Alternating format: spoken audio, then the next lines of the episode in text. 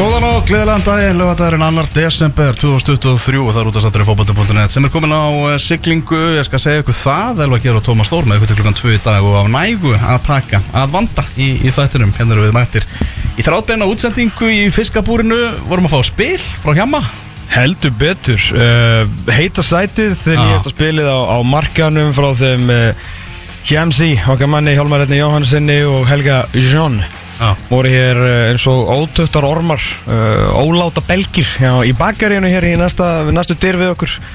Hjá, uh, hjá Þordísi og hérna og fyrsta blikið Mm uh, en uh, einhver sér mér finnir ég held að séu akkurat eftir, ég held að séu eftir hálftíma ef mér skjáttlast ei að uh, selja þetta spil og antala árita og fara með gamamál í, í smáralendinni. Ah. langar, langar að gíska á það. En heita sætið þó ekki fótballtaspil Nei, en Besta sætið. besta sætið ef við uh, okkur er ljúft og skilt að, gefa okkar manni smá uh, smá auðlýsingu jólaspilið ár Já, jólaspilið ár. Er það spátdómakertið sem að kveikt fyrir á á morgun? heldur betur Aðvendan byrjuð? já þetta er, þetta er uh, besti tími ásins Besti tíma ásins. það er bara þannig aðvendan maður spátóskertið já Já, kveikjum einu kertið á já, eins og sagt er. mm, hans koma nálgast fyrr Já. Eru Totti að fara fram? Er það farið fram, ég held að Rúna verið að tekja við. Já. ó, ó, ó, ó, ó. Veitu hvað, ertu að spyrja mig að segja mér? Nei, ég held lækka að- þetta næðis, ég heyri ekki þér Ég held að sé að fara að gerast bara í þessari viku Eða komandi viku segi ég. no, Já, ég ætla að spá því. var hann að býða eftir fyrsta kertinu? Já. Ég er þetta Já, aðventar já, farin á stað og þá held ég að Þorvaldur Örlygsson sé að fara að mæta í eh, formannslægin á móti Gunnar Bergsinni úf, er ok, það er það sem við viljum. Við viljum fá kostningabaráttu Já. Við viljum að að menn útskýri hvað þeir ætla að gera. Mhm. og uh, Tótti hefur náttúrulega prófað allt í, í þessum fagra leik. Það er rétt, hann hefur verið þjálfari og hann hefur verið uh, stað, sko, yfirmaður knastbyttumála og þjálfari á sama tíma. Já, svo hefur hann verið yfir þjálfari verið, nei hann er yfirmaður knastbyttumála á stjórnunni já. Eða ekki, Já, nei, eitthvað rekstra stjóri ég en þá betur, þá var hann að um því að Já, ef það er eitthvað sem að verður ljótt á um, ástinginum, hvað er það Ef það er eitthvað sem verður ljótt á sko. 2024, Mhm. að þá verður það ásreikningur Knarspundarsamans Íslands Já, Hann verður brútal og þar verður Í trúgjörun að það verður alvöru umræður um hvað þarf að gera til þess að taka þess til í, í, í rekstrinu þarna og ég nú, hérna, var nú umvafin mikið af fólki úr, úr svona íþróttarreyfingunni í gær sem að uh, var svona aðeins að fara yfir máli með mér og það meðal annars kom fram í, í máli eins hérna eins lærðasta einstaklings á Íslandi þegar kemur að, að íþróttum og svona bara öllu að staða formans og kási að þess að hérna, ég fengi mikil mikil, ég er svona að nokkur er verið að ræða við mig eftir ég er svona á hans að minnast á kapla 3 reyni í rannsóknarskíslinu hann um daginn. Uh, en það var kannski ekki bara það sem að kom fram þar sem að uh, skipti öllu máli, heldur líka það sem kom ekki fram. Og meðal annars það sem að hérna, var, var komið stað í þeirri skíslu eða svona við, við svona gerð þeirra skíslu var að staða formann sem launastarf er bara feit pæling sem gengur ekki upp lengur. Og hefur og verið aldrei gengið upp. Og valda ójabæði millir formanns og frangatastjóra KSI eh, er bara stór fyrirlegt þau eru eiginlega svona samsíða. Og formann KSI svona eh, eru margir á. Þær einstaklingar heldur en ég og þú. Mm. en það er ekki svo sem ekki langskóla gegnur þannig. Eh, er á því að þetta bara gangi ekki upp sem launastarf. Bara það séu tveir einstaklingar formar og framkvæmtastóri sem eru veginn. Já bara í raun og veru sami maðurinn þannig sko að, hérna, ég, þetta er svona eitthvað sem að væri gaman að fá að þú glemur því ekki að Björn Einarsson ætlaði ekki að vera launaður. Hann svona sem rekstrar maður búin að vera yfirmaður hjá TFG og Eimskip í til ykkur ykkur 20 ár sko, veit allt um hvernig á að reyka fyrirtæki. Og KSI er náttúrulega ekkert annað en fyrirtæki sem að veltir ykkur um fleiri miljórum ári. Já. og þetta bara, vist, eh, bara gengur ekki upp. Þannig að það verður gaman að spyrja þá vonandi þá báða hvernig svona, þeim lítist á að taka til hann því að aftur, ég meina ásækningunni fyrir náttúrulega leit bara sæmilega út út af svona svolítið óvandri bónuskjöf frá UEFA, nú er búið að reyka eitt þjálfara að ráða annað með tvo þjálfara á launum. Um, Þóri var nú eitthvað að tala um okkur hérna, mjög förðulegan reikning út af hérna, hérna auglýsingamál, okkur markasmálum sem að þú veist ITF á náttúrulega að sjá um, þá þú veist það þarf að gera ykkur grein fyrir því. Uh, pulsan góða, þú veist, það er að fara dettin mögulega. Já, Skilur, og, og, og öll þessi vinna fyrir þú veist þennan leik sem átt að fara fram á lögatarsvelli á fimmtudaginn var færður á kópásvellin mm -hmm. það er bara búið að leia pulsuna og, já, og því líkur peningur búin að fara í hana. Það enn eina ferðina. Það þarf eitthvað, að þeir sem er næsti forma að KSI uh, á, hérna, bara í sambandinu sko. Stelputur okkar í íslenska kvennalandslinu 2-0 sigur á móti Veils í, í gær og það er á leiðinu í umspill í, í februar og spurninginu er hvar allar landslið að spila? Það er þannig með hvenna landslið að, landsliðin að það er ekki jafn, ja- ekki jafn mikla kröfur gerða til vallarmála og í kallaboltanum Mhm. þannig að það eru löglegir vellir hérna hér á landi, það mætti spila þetta á Origo-vellinum í Hamingjunni held ég og Árbæ Byrju, annars. skipta ljósin einhver máli? Nei, ég held að sé að það er bara lærri kröfur.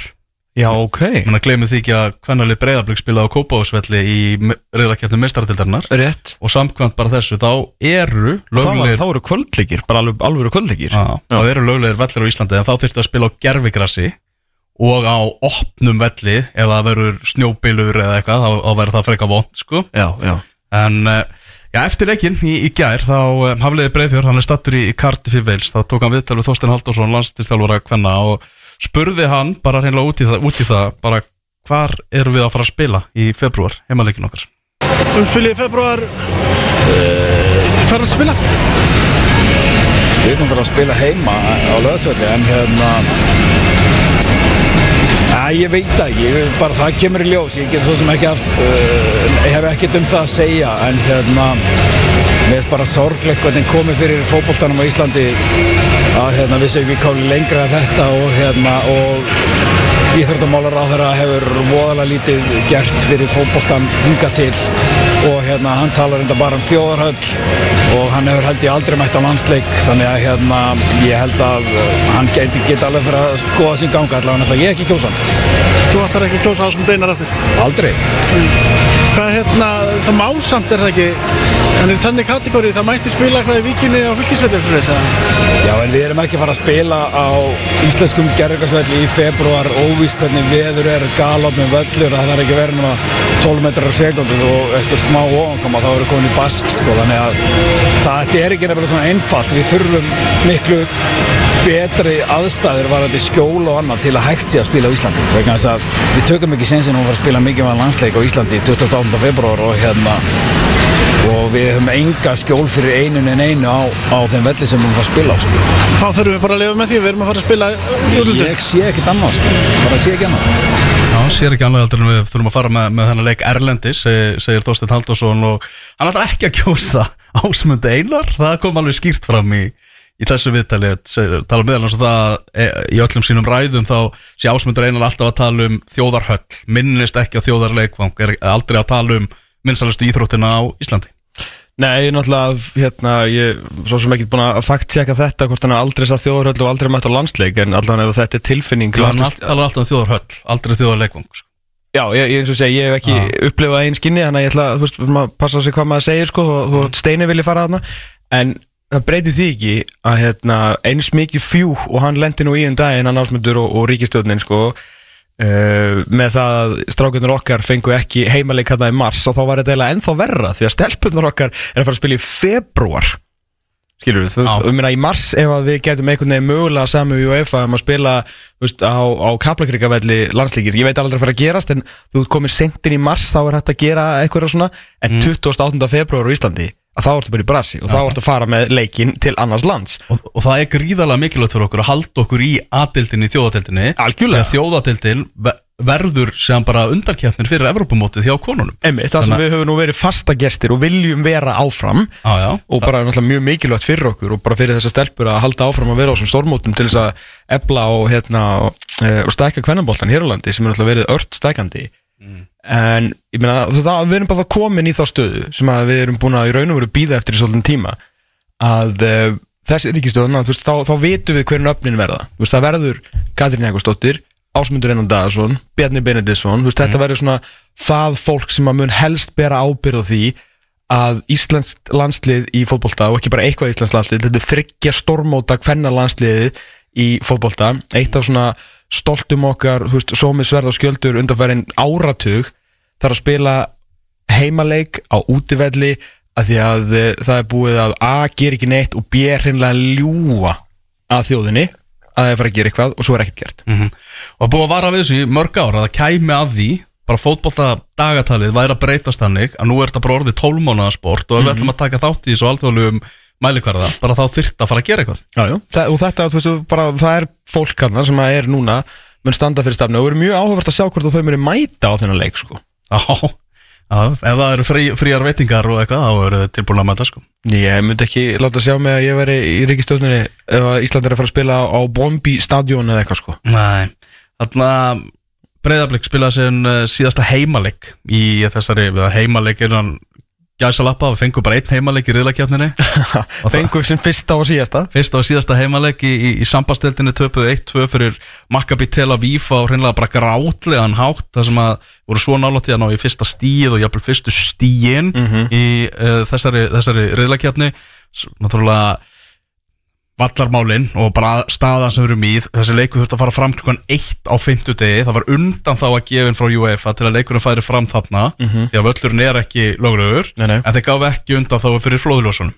þannig að Nei, þeir dróu, það var hérna línan dregin í sandin sko. Já, þannig að það, þurfti að, að spila klukkan 1 á virkumdegi og svona að þú veist eins og við erum bara að tala um það lengi hvað verið geggjað að Íslandslið komist í reyðlakjapni Evrópu þá var þetta mörgu leiti og er búið að vera svolítið svona turn off meðal annars að þurfa að spila með þú veist 1500 manns á laugadalsvelli í, skítakulda og, og síðan þú veist að þeir fá ekki að spila heimavelli svo fá þeir að spila heimavelli og þá er það bara í háttegin og virkumdegi Já, um mitt þannig að fólk er í vinnunni og svona það hvernig vallamálin er á Íslandi hefur svolítið svona dregi, dregið úr því svona partíinu sem þetta átt að vera að komast í, í reyðlakjarnina Sko ég veit ekki hvort ég sé alveg sammálaðar þar Þegar mér varst á, ég, það er náttúrulega rosalega erfitt að búa til einhverja stemningu á lögutasvelli fyrir félagslið Mm. Við höfum upplifað það nú allt og oft á, á frambúrunum sko Mér fannst þetta fyrstileikurinn hérna, Var ekki Soria Lufthansk eða eitthvað sem ætti hérna fyrst Já.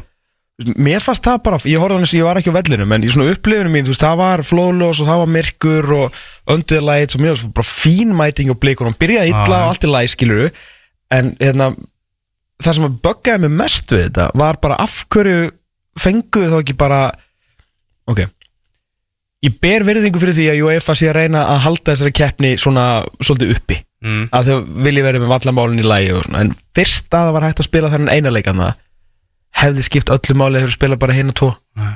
og þeir eru fengið bara sinn, sinn völl, sitt gras og verið þá bara í samkefnishæfari Mhm. ég held að breyðablika aldrei í lífinu tapa fyrir Soria á hérna á heima, sínum heima allir sko. Nei, nei, ég meina ko- líka, þú veist, liðin sem þau eru með þau eru með, þú veist, Maccabi Tel Aviv þau eru með Gent og þau eru með hérna, Soria Luhansk, Mhm.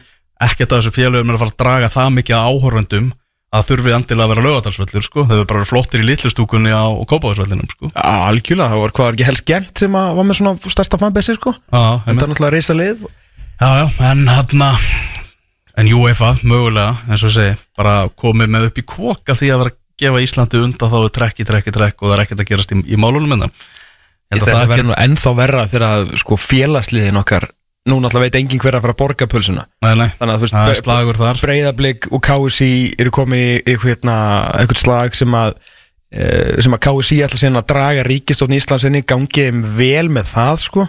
Um, þetta er svona búa til einhvern óþarfa leiðilega núning einhvern veginn í loka ás og aftur eins og segir svona aðeins slæra á þessa gleði sem að þessi, þessi reylakefni breyðabliks átt að vera. En það er náttúrulega líka bara út af Þú veist, það er ekki búið að búa þannig um hnútana að við séum einhvern veginn tilbúin hvorki fyrir liðin okkar nýja landstegin okkar til þess að spila einhverja mikilvæga leiki á erfiðum tímum sko.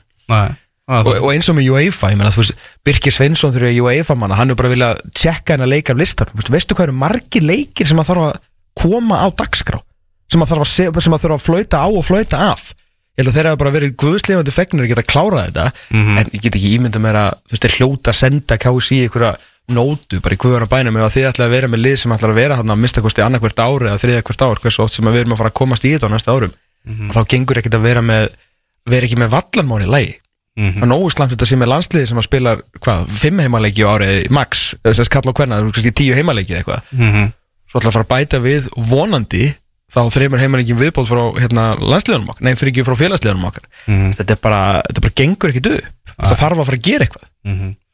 Blikar ennþá með 0 stig eiga eftir þennan leik á móti Soria Luhansk sem að spila verður í Pólandi á hlutlausum velli. Mm -hmm. úkrænst félag sem að spilar ekki á, á heimavelli. Og það er vonandi að Blikar ná í stig í, í þeim leik hvort sem það er eintölu eða fleirtölu. Í úr þessu skiptir þetta engum máli nema smá auka jólabónus. Stig gefur fínan seðil. Já, veist, Það er ekkert að fara að bjarga eða vera eitthvað meiri upplifting á framistuður Er framistaðan hefur Já, það lít, þeir hljóta að setja það markmið að klára þessa reylakefni með því að komast á blað sko. Já, já, algjörlega, en ef ég allavega, veist, ef ég væri bliki myndi ég bara hugsa um þetta og sérstaklega ef ég væri eistið myndi ég hugsa um þetta bara peningalega séð Já, já. að fá jólabónusin Já, og þetta er skemmtilega að vera með fótboltalega séð þá hlýtur að vilja Það eru tvölið eftir í sambandstildinu sem hafa ekki fengið stig. Það er breyðablik og eitthvað serpnest lið sem ég haf aldrei heyrt um. Kukaríki Já, Kukaríki, ágæta, ágæta lið. Þannig að þarna, og, og Kukaríki fekk á sig mark sko, og mútið fyrir en Gvaros núna á 9050 mínútu eða eitthvað. Og töpuðu 2-1 eftir að hafa verið yfir, það voru tímyndir eftir eða eitthvað líka. En að, og, og, og hafa í, í að fá eitthvað úr, í, úr leikjunum í þessu riðli, en eins og Heimi Guðjónsson talaði um í hérna hlaðvarpinu hjá, hjá Bjarnar Helga hjá, hjá MBL, bara þeir að gera of mikið af mistökum. Já. Allt og mörg mistök, einstaklismistök og eru að fá þessi allt og ódýr mörg. Já, bara algjörlega, þú getur ekki unni fótboltaleiki við lið sem að eru stærri og betri en þú. Öll þessi lið eru miklu betri en breyðablík Mhm. Breyðablík hefur að mörguleiti bara sínt fanta framistuðu, sérstaklega á köplum gegn liðum og þetta er ekki uh, kasta rýrð á breyðablík Þú veist, það veitir þetta allir. Þessi lið eru bara miklu ríkari, miklu stærri og miklu, miklu betri leikmenn svona yfir heldina, kannski þú veist, Gísli Eyjóls og, og Höskuldur á kannski verið hvað næst í að sérstaklega Gísli í þessari reylkefni að sína að hann geti spilað fyrir flesta af þessum liðum, allavega Maccabi og, og hérna og Soria. Og ekki hjálpar möguleikunum að ná í eitthvað í lokaleiknum að Gísli fekk raukt í þessum leik og Gísli Eyjóls verði í banni í lokaleiknum einmitt, það sem er búin að vera algjörlega að sína það að hann á heima á þessu sviði sko. en það er bara, það er þessir ekki er alltaf að vera að tala um þessar blessuðu marginur þessir litlu hlutir það þýðir ekki að vera að gefa 1-2 í fórskot menn hvað voru ekki þrýr leikir eða eitthvað þar sem voru komni bara 4-0 undir eftir kortir eða eitthvað? Mm. Veist, þetta bara gengur ekki upp og svo einhvern veginn þegar þeir eiga góðu kaplana þá gefa allt einu ódýr mark, ódýr mark Einmitt. Ba- sem er, það hefur náttúrulega kannski verið svona syndin við þetta en þeir hafa verið sér í heldina fyrir utan kannski byrjunarkablan var ekki Gent og Maccabi sem að var svona Já. algjör hróðbjöður að horfa á skilur svona lagast að alveg brekka á að brekka Já. mér er fullt af, fullt af fínum köflum að svona spila að séð sérstaklega svona í setni hluta þessar reylakefni hjá þeirra en, en mörkin sem það eru að gefa hafa bara verið því miður flest bara mjög barnalegu og mörg bara svona sko TikTok mörg Mhm. í þessum leik núna á 50 daginn þá beina spjótiðin að sjálfsögða að Antonara Einarsenni Mhm. markverði enn, enn og aftur og aftur greiði strákurinn ekki hjálpa það því að umræðan í aldraðanda leiksins var mikið um það það, er bara greinilegt að breyðablik er í leita markverði þú veist. sama hvað þeir eru einhvern veginn Dóri reynda að tala í einhverja ringi hérna á fréttamannafundi og segja að það vera alltaf að leita í öllum stöðum eftir hvort það sé hægt að styrkja það og allt það. Veist, þeir fengu til sín hérna Mark Jensen var að markmann start í Nóri hann æfði með breyðabliki núna í landsleikjarlinu og hann var ekkert bara mættur hérna til að vesla jólagjafir og datta á æfingu sko. En það verður það stjórnum kallið með verðbólkuna Já, þú veist, það er alveg greinit, breyðablík er að, er, er að ætlar að, að fá nýjan bara, það voru bara sögur í sumar að Óskar væri bara sagan fór hvað lengst að hann væri bara búin að ganga frá Rósnörd Já. sem alltaf ekki rétt skilur en hann var alltaf mjög hrifin af, af hérna, normannum í Keflavík Mhm. þannig að, eh, að Danunum, neðan ekki að, hérna, þannig að já auðvita við erum ekki hálfvitar, þeir eru að leita markverði, hvað sem að þeir ætla að hérna, koma Antonar upp á tætnar með alvöru varamarkmanni sama hvað ég vilja segja um, hérna, um, um Brynjar Mm. og, og Breiðablík er ekki að fara að sækja erlendan mann til að vera á bekknum sko. Nei, nei, nákvæmlega sko, þannig að hérna, nema að það kosti bara jafn mikið og brinja kosti, ég veit ekki um, um launamálið þeirra. En eins og segja, þú veist, eru bara sækja nummer eitt og ætlar að íta Antonar út, þú veist, á hann að sig ég held að það sé bara augljóst. Að það, er, það, það er pælingin það núna. Já, auglust og ekki auglust, en allan auglust að þeir ætla að sækja markmann, Já, hvað sem verður svo um, um. Anton sko. já. Sama Og- hvernig, hvernig, sama Og hvernig með þeir að hvernig pælingin er hjá breyðabliki þá, þá á ég erfitt með að sjá og sækja erlendan mann til að vera varamarkmaður sko. Algjörlega, Það er bara þannig. Það er allan að hinga til ekki verið mikið um erlenda varamar fyrir að- nema kannski Kelly Walton, hann alltaf svo sem spilaði þessu á bekkin Já, og Anton Ari klókur strákur og ég held að hann veit alveg nákvæmlega hvernig staðan er. Já, og hann veit ekki viðtal gaf ekki kosta sér viðtal eftir leikina á fimmtudaginn. Vissi svo sem hvað var að fara leiðinu þar. Já, það, það er bara þannig. Þannig að já það Er, blikarnir er þetta ekki bara samband sem er búið? Anton og Breðablik Já. Jú, það held ég. Úst, ég held að, hérna, að við vitum hvar þakið á Anton er. Já, já. Við vitum hvað góður Anton er. Hann er þrefaldur Íslandsmeistari og tvöfaldur eða þrefaldur byggamestari Mhm. og hefur verið sko tvíviðis ég mæni hvort hann var kosin allavega þú veist, í, vel í umræðinni um besti markurinn í dildinni Mhm. þannig að við veitum alveg hvað það er og við veitum líka hvað hann er lélur ekki hva, hvað hann getur spilað illa. Já. hann er á tvö þannig tímbil, þetta er náttúrulega hans alversta, hann er búin að vera svo ólíku sjálfur sér að hann er ekki nokkur lifandi átt. Þú veist, er það bara veist, að hún bara líður illa? Veist, þetta er bara búið að vera hjólfar sem hann er búin að vera að hjakka í. Hann er ekki uppalinn aðna hann er búin að vera að fá rosalega gaggrinni, ro, hann er gerður á hrikalum blórabögli og, og hann er svo sem ég er ekki það afsakan, hann er búin að eiga alveg fullt að gæsari gaggrinni skilið. Mhm. en eins og maður hefur stundur enda að benda á að það eru leikminn líka í þessu liði þá sérstaklega vörninni og miðvarastöðunar sem hafa ekkit litið út þessu okkur er hetjur og þeir eru ekki að fá næstuði jafn mikið heit og Antonari sko. Já, og það þeir séu líka eiga bara sitt vesta tímabil í, í langa tíma. Algjörlega en Ég það er bara meina Damir sem er bara búin að vera í liða ásins ár eftir ár eftir ár Ég meina það eru bara tíu stöður lausar í liði ásins eða byrjar alltaf Damir. Já, svo bara akkurat. spila í kringum hann. Já, þetta var hans slakasta tímabil bara í mörg mörg ár. Ég meina Viktor Örd lit bara út, út eins og ég veit ekki hvað í þessari Európa-keppni sko.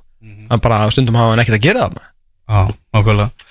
Herru, við ætlum næst að vinda okkur til uh, Grindavíkur. Uh, Haukur Guðberg Einarsson formaður knarspinduteltar Grindavíkur. Hann er á línunni, við ætlum aðeins að heyra í okkar fólki í, í, í Grindavík. Blessaður Haukur, Já, góðan og blessaðan daginn. Góðan daginn hvað segja, segja Grindavíkar gott í, í dag? Ég, svona eins best eins og það voru kosi held ég. Þetta er Já. svona alls konar, alls konar hjá okkur.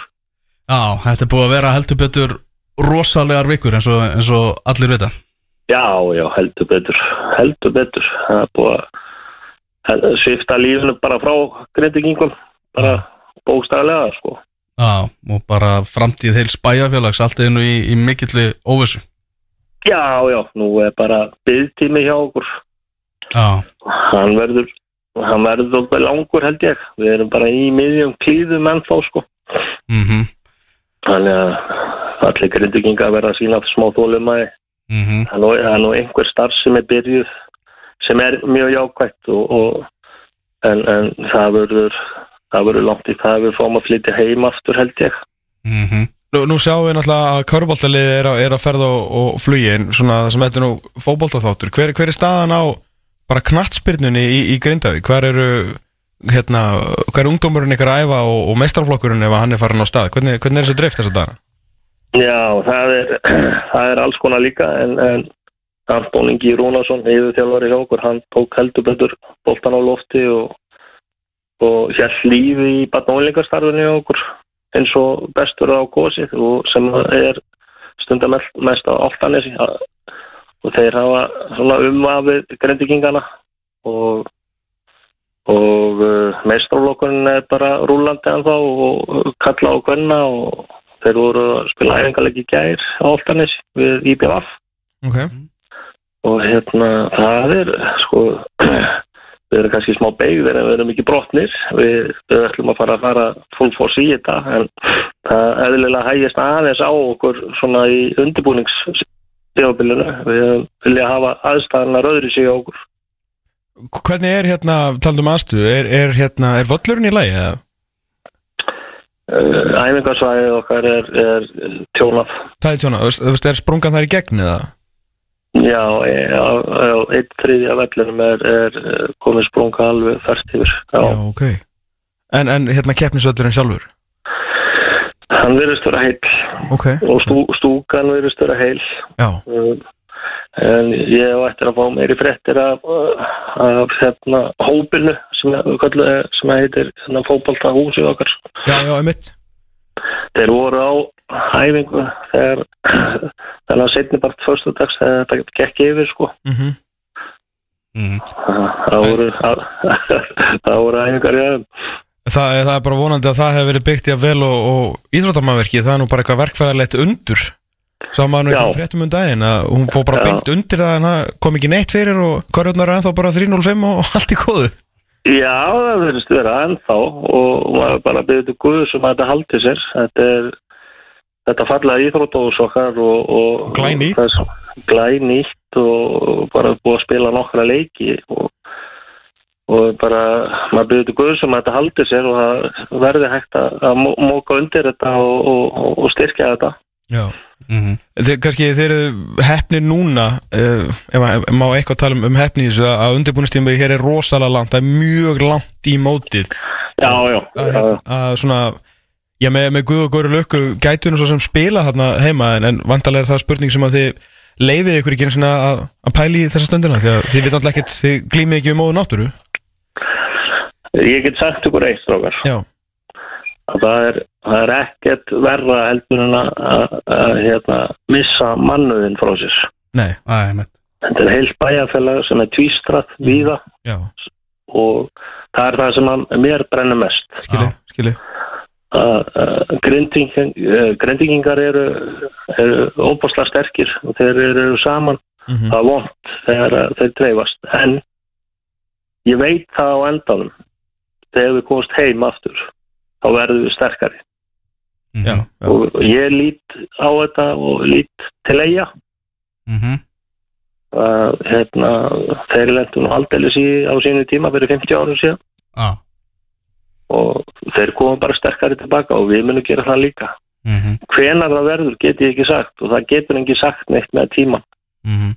Eru þið farnir að hugsa um plan B bara hvar þið getið spilað ykkar heimaleiki ef að, ef að það er ekki hægt að gera það heima hjá okkur Nei, ég er í sambandi við KSI Já, og fengi rosalega góðar móttökur og ég fengi líka rosalega góða mó- móttökur við öll félög.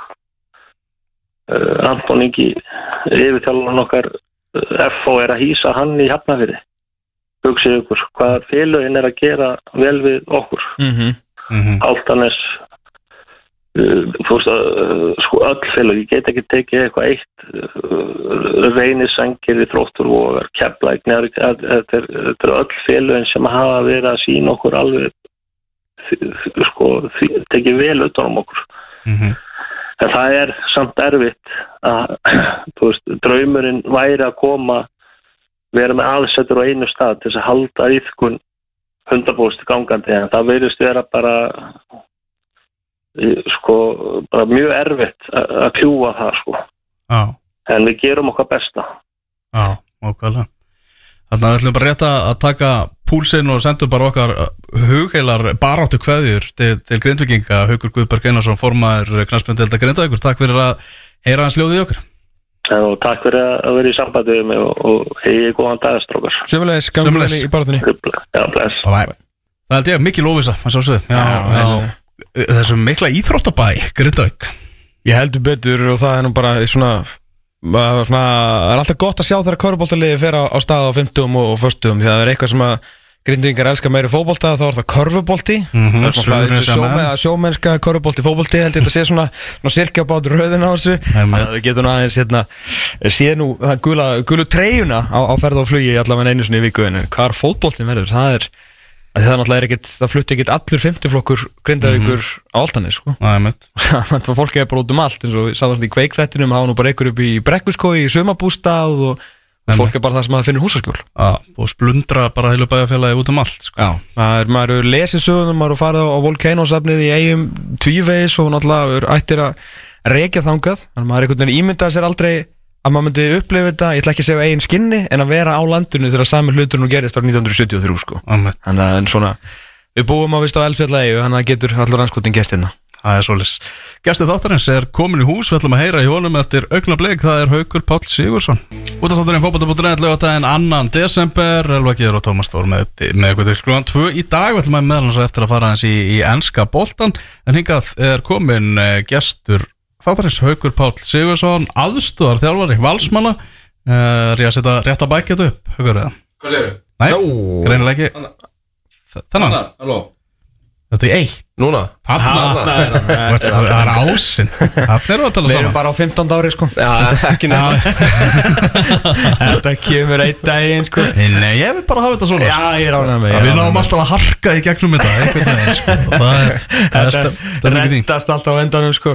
Herru Haukur Páll Sigursson eitt sinn uh, eitt besti miðumæður döttan í liði náttúrulega áratugar eins ég veit ekki hvað og hvað þetta svo harðasti fyrirli vals markfaldur champion og í dag á einu auga bræði allt í hennu getur ekki neitt. Þjálfari eins að ekki ég sko. Ekki tilbúin og orðin aðstofþjálfari Já, mannum sem sagði þú getur ekki spilað. Þetta er, þetta er fljótt að gera maður. Hvað, geðu okkur smá bara hérna sögustund, hvernig bara þetta gerist náttúrulega hlýtur að gerist hraðar heldur en þú bjóst við.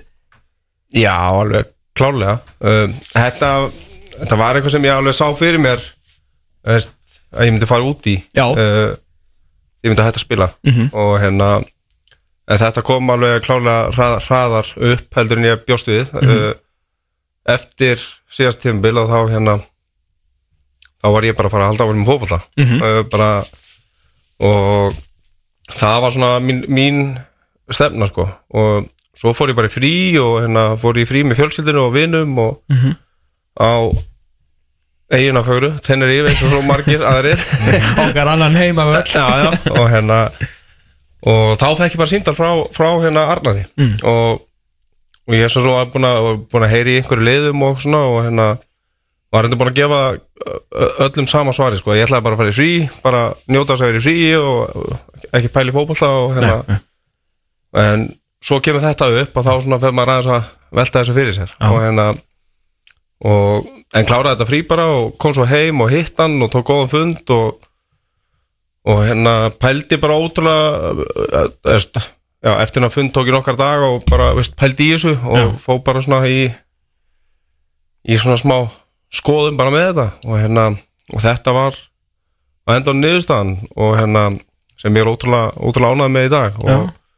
þannig að já, sé, sé alls ekki eftir því að hafa farið í þetta og þetta er eitthvað svona sem ég hef stend að, að, að gera og hérna og þegar þetta ekki var að koma upp að þá ákvæði að ákvæði að segja skili við spilamennskuna og, og dempa mér út í þetta.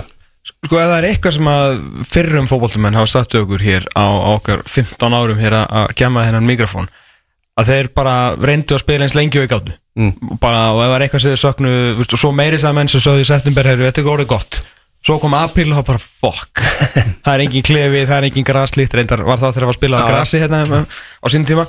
Heldur þú hérna, þú, veist, þú átt alveg meira eftir hvort sem að það væri í topparóttu miðja fyrst eða bara alltaf bossa lengjudeldina mm. skilur, hefðu þá farið heim eins og við erum að reyna að senda þig heimina eins lengi við getum. Þú, þú getur þetta alveg. Já, já. En heldur þú munur ekki í mæ bara oh, hvað er ég að gera Það verður bara heila að koma í ljós sko. ok, Eh, Allar hingatir, ég fengi þessa spurningu sko, hvað er, veist, við byrjum að æfa núna í nóvumber og hérna meðan nóvumber og, og fengi þessa spurningu, hvað er hérna er ekki langað að fara og bara veist, hingatir, veist, jú, veist, veðri, veist, kalt, orðið kalt og svona og Já, hvað, já, veist, já. hingatil hefur ekkert í- ekkert eitthvað svona brjálæðslur kýtlingur í að fara og, og taka þátt að æfingu Ok, og hérna þannig en veist, það kemur já. og hérna en já, en ég er ótrúlega ánægð með þessa, með þessa eh, niðurstöðu sko. Og hérna bara að að dempa nút þetta og, og geta læst af veist, fullt af mönnum uh, og hérna náttúrulega ekki amalegt að byrja undir Arnari.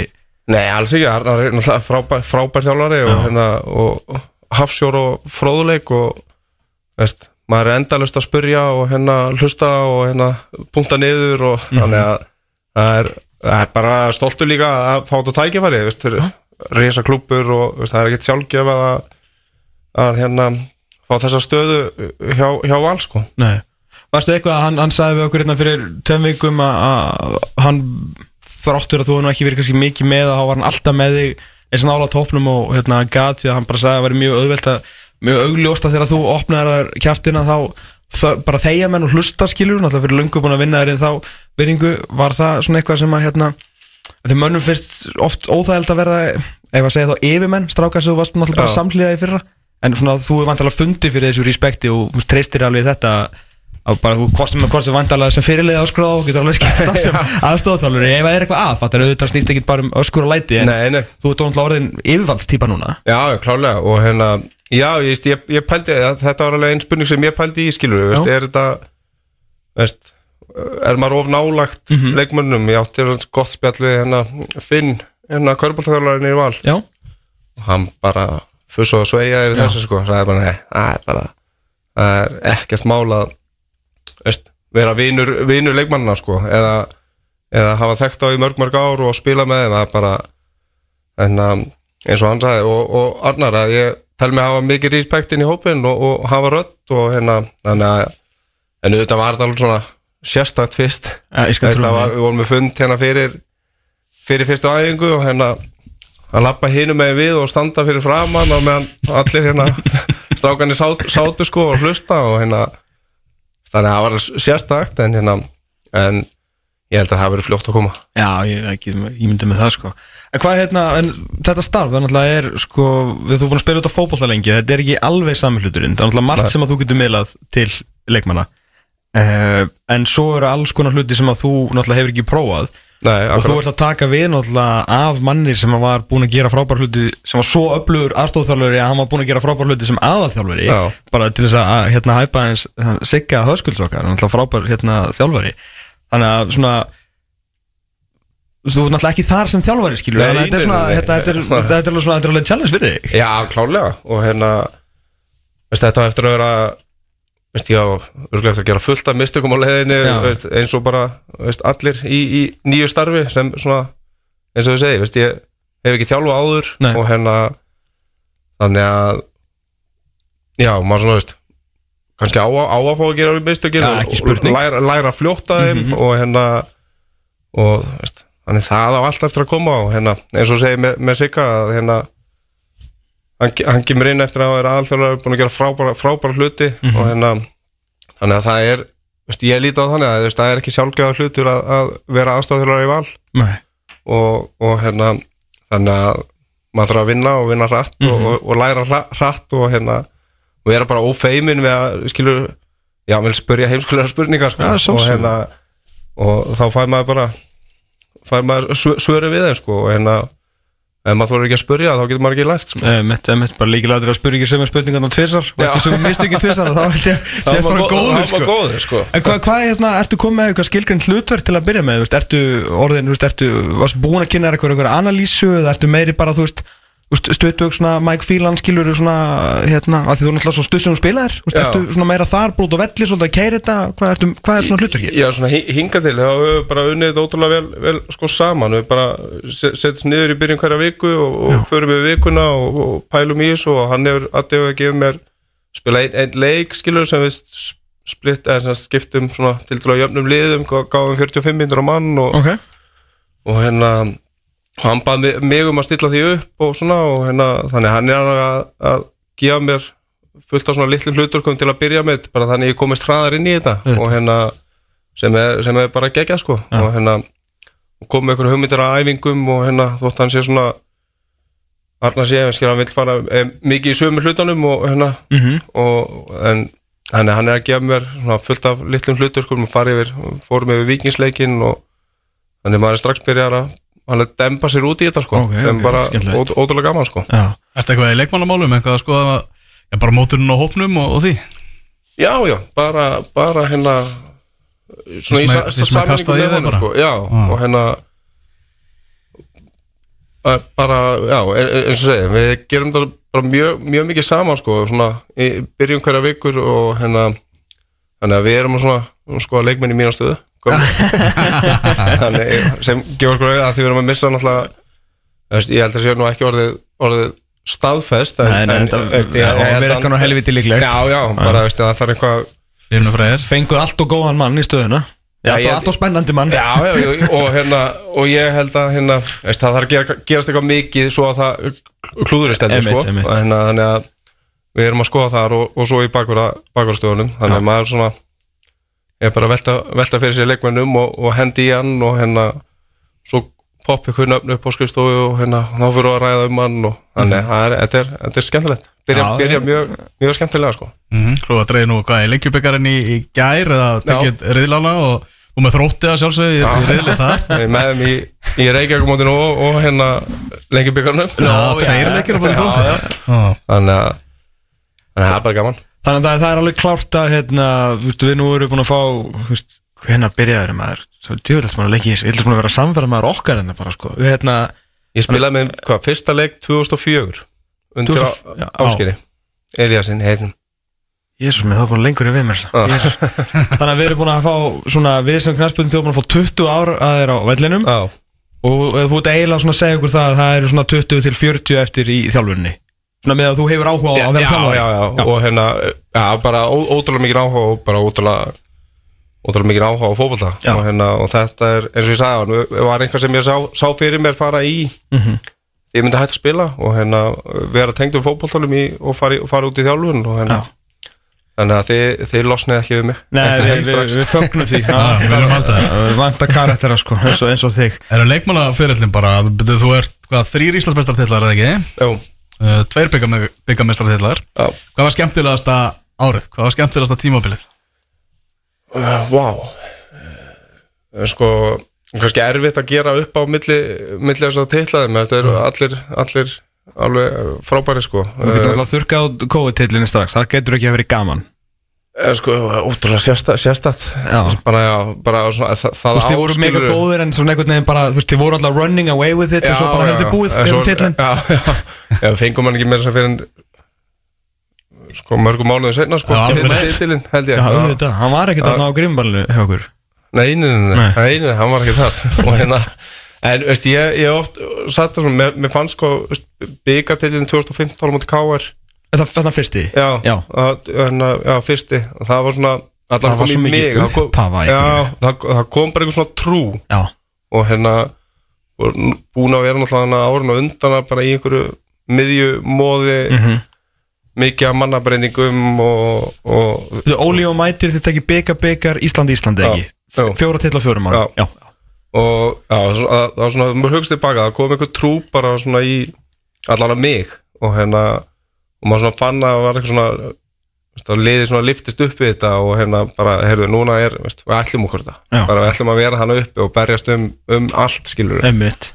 Þannig að hann er veist ef við, ef við þyrfti að velja bara einhvern einn veist, þá var það svona, þá myndi ég segja hann. Já, þetta var svona og það tíð þessi fjögur ár þessi fjögur góðu ár, náttúrulega með Ólaði líka þú veist, þeir að spila brjálæðislega skemmtina fólk þeir eru ógisla fljótir, þeir skori mikið þeir eru alltaf með Óla og Bjössa á já, þetta er svona uh, ógisla gott lið svona, þessi fjögur ár voru alltaf helviti flott í þessu félagi sko. já, en já. síðan alltaf, það finnir svona hvernig eh, fyndið, kannski fyndið það sem haldi ekki með val að hérna, að ferillin alltaf er svolítið alltaf tvískiptur Já. þannig, þú náttúrulega upplifir sko hverja þvæluna á fætur annari eða svona þvæluna, það bara gengur ekki upp Mm. sama hver mætir það er hver spennandi þjálfarinn sem rekur annan allir með fína pælingar og góðu þjálfaraskilur Mhm. ekkert gengur upp svo bara einhvern veginn er bara kveikt á okkur ljósrófa sem að þessu sinni vantalega heitir Ólafur Jóhannesson Mm. og þeir verður bara bestir já, já. Já, hérna, þú, það er, þú búin að taka allan skalan á þessum árum að ég val Já, já, klálega, hérna, veist, ég fyrst tímbilum þetta er 2010 mm. uh, hjá Gulla Jóns og fyrstu árið er einmitt, sko, það er þjálfarbreytingar mm -hmm. uh, ótrúlega, ótrúlega mikið af mannabreitingum bara, veist, ég, ég svona eh, tók eiginlega við svona maður hugst tilbaka, tók við af Bjössa Reyðas að spila með Já, fjölda öllum á leikmönnum sko. Svona frá 2010 er þú búið með, hvað sagði alltaf Björsi, það er búið með 10% af öllum, sko. og hérna og, en eins og segja það, svona, þegar, þeir koma inn Óli, og- Bjössi þá koma þá kom bara ákveðin, ákveðin stöðuleiki í leikmannamál. Uh, það eru fáa breytinga milli ára. Uh, veist, jú, kom alltaf einhverju leikmenn inn Jú, og, veist, sem bara þarf til að, til að hérna, stuða leikmannahópin og, og, og halda, halda halda svona veist, samkemnin á lofti og hérna þannig að og ég held að það hafi bara verið ótrúlega stór líkill í, í velgengninni að er, er einmitt þetta að hafa ákveðin stöðuleika í, í leikmannamálum. Hérna, Hann náði svolítið róhamnalóksins já, og en eins og þú segir og svo náttúrulega vorum við með frábært lið og spiluðum ótrúlega, ótrúlega skemmtilega fókla Já, engin smá leikmenn á þessum um tím. Stóð upp aldrei valsara sem hefði svona ekkert verið sjálfgefið Nei. því miður fyrir val en að vera með sína stráka þarna og, Já, og með veist, Arnarsvein, Bjarn Ólaf Birkimá Mhm.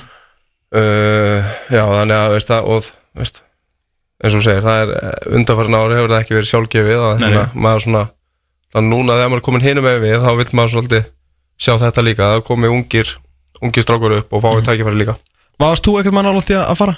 Svona á þessum á fyrsta árunum þegar þetta var brass uh, Svona já og nei veist, að, það kom alveg veist, ég, á tímbili fekk ég alveg tilbúið að fara veist, út og hérna og svo er einhver lið hérna heima sem reyndi á kroppið mig og, og hérna en ég var þrjóskur og ég vildi vinna með, með val og hérna tókst á endanum. Var, var það bara svona eiginlega málið að þú langaði að gera eitthvað þarna fyrir eitthvað að fara eitthvað annað og, og... en uh, það var kannski ekki svona, ég byrjaði kannski mest að pæla í þessu fyrir tímabili áður en Óli Ó tekur við. Já, einmitt. Uh, Óli og Bjössi og það má eiginlega segja að hann hafi náða samfara með um að vera áfram Já. á þeim tíma. Og hérna ég sé ekki eftir því. Nei, ég, ég, skal, ég skal trúa því, sko, þetta voru þokkali tímar, en svo náttúrulega var náttúrulega eitt sérstaklega svona undanfarn ár hefur leikjónum, kannski og ekki bara leikjónum, þetta er mínútunum líka fækka mm. það var náttúrulega búin að spila á eitthvað heljar þröm allar fyrir það hefur ekki verið tomma gefin eftir í einu einasta einviði sem varst vantalega bara gutti, sko. Já, já. búið að vera erfitt svona að þurfa einhvern veginn að svolítið að lúta stundum í læra haldi og oftar fyrir líkamannum? Já, já, það hefur alveg uh, veist, tekið á sko. Hérna, en veist, svo erum við líka bara veist, svona var ég bara sem leikmaður og hérna og stundum þurftum maður bara að býti á svo repli að, að hérna að geta ekki spilað eða eitthvað svo leið sko. En hérna en á þessum eigust, ég var ekki að fara að breyta mér sko. Nei, nei, nei, það, þú varst að svo var það sem varst að þú og var, sko. hérna, Já, akkurat og, og þetta svona uh, gerði mig að þeim leikmanni sem ég, sem ég var og hérna með vonandi einhver gæði líka. Já. Hvað hérna, sko, þeir, ég held að þú og Einar séum búin að vinna, sko, ástasamband ásins en hjá okkur, held ég síðustu fimm Þetta Einar er, sjúkraþjálfari. Einar sjúkur, þetta er náttúrulega fallegasta samband í íþjóðku Já, eða ég Já, það er engin spurning, sko. Það er þetta, ég hleyjaði sko, það er oft skotið af mér til þess með hérna, veist, hausinn á mér og hérna að það væri annarkvort segull í hausnum á mér í átt að boltanum eða, eða öðrum hausum í, í þessari deild sko. Þannig að en hérna ein, einar frábær og hérna, alveg, alveg geggjaður. Þannig að mér þykir vænt um hann Það var ekki eðlilega, búin að halda þér á fótum núna í nokkur á Hvena var það, var ekki, hvena spiluði, var þetta 2019 eða 20 þegar var Káur í fyrsta leik og eina var mættur til að hlúa þér eftir 17 mínútur. Það var það besta, sko. Já, bara fyrsti leikum móts. Þú var sjálfsög búin að fara í ykkur djöðsins tæklingu. Svo heyrðu, er þetta svo mörg svo maður hugsa tilbaka sko mörg svona samstöð sem maður var í og lendi í einhverjum svona veist, einu sinni þá læstist kjálkin á mér veist, ég gæti ekki loka munninum Ok. veist, það skeið út í frostaskjóli. Ok.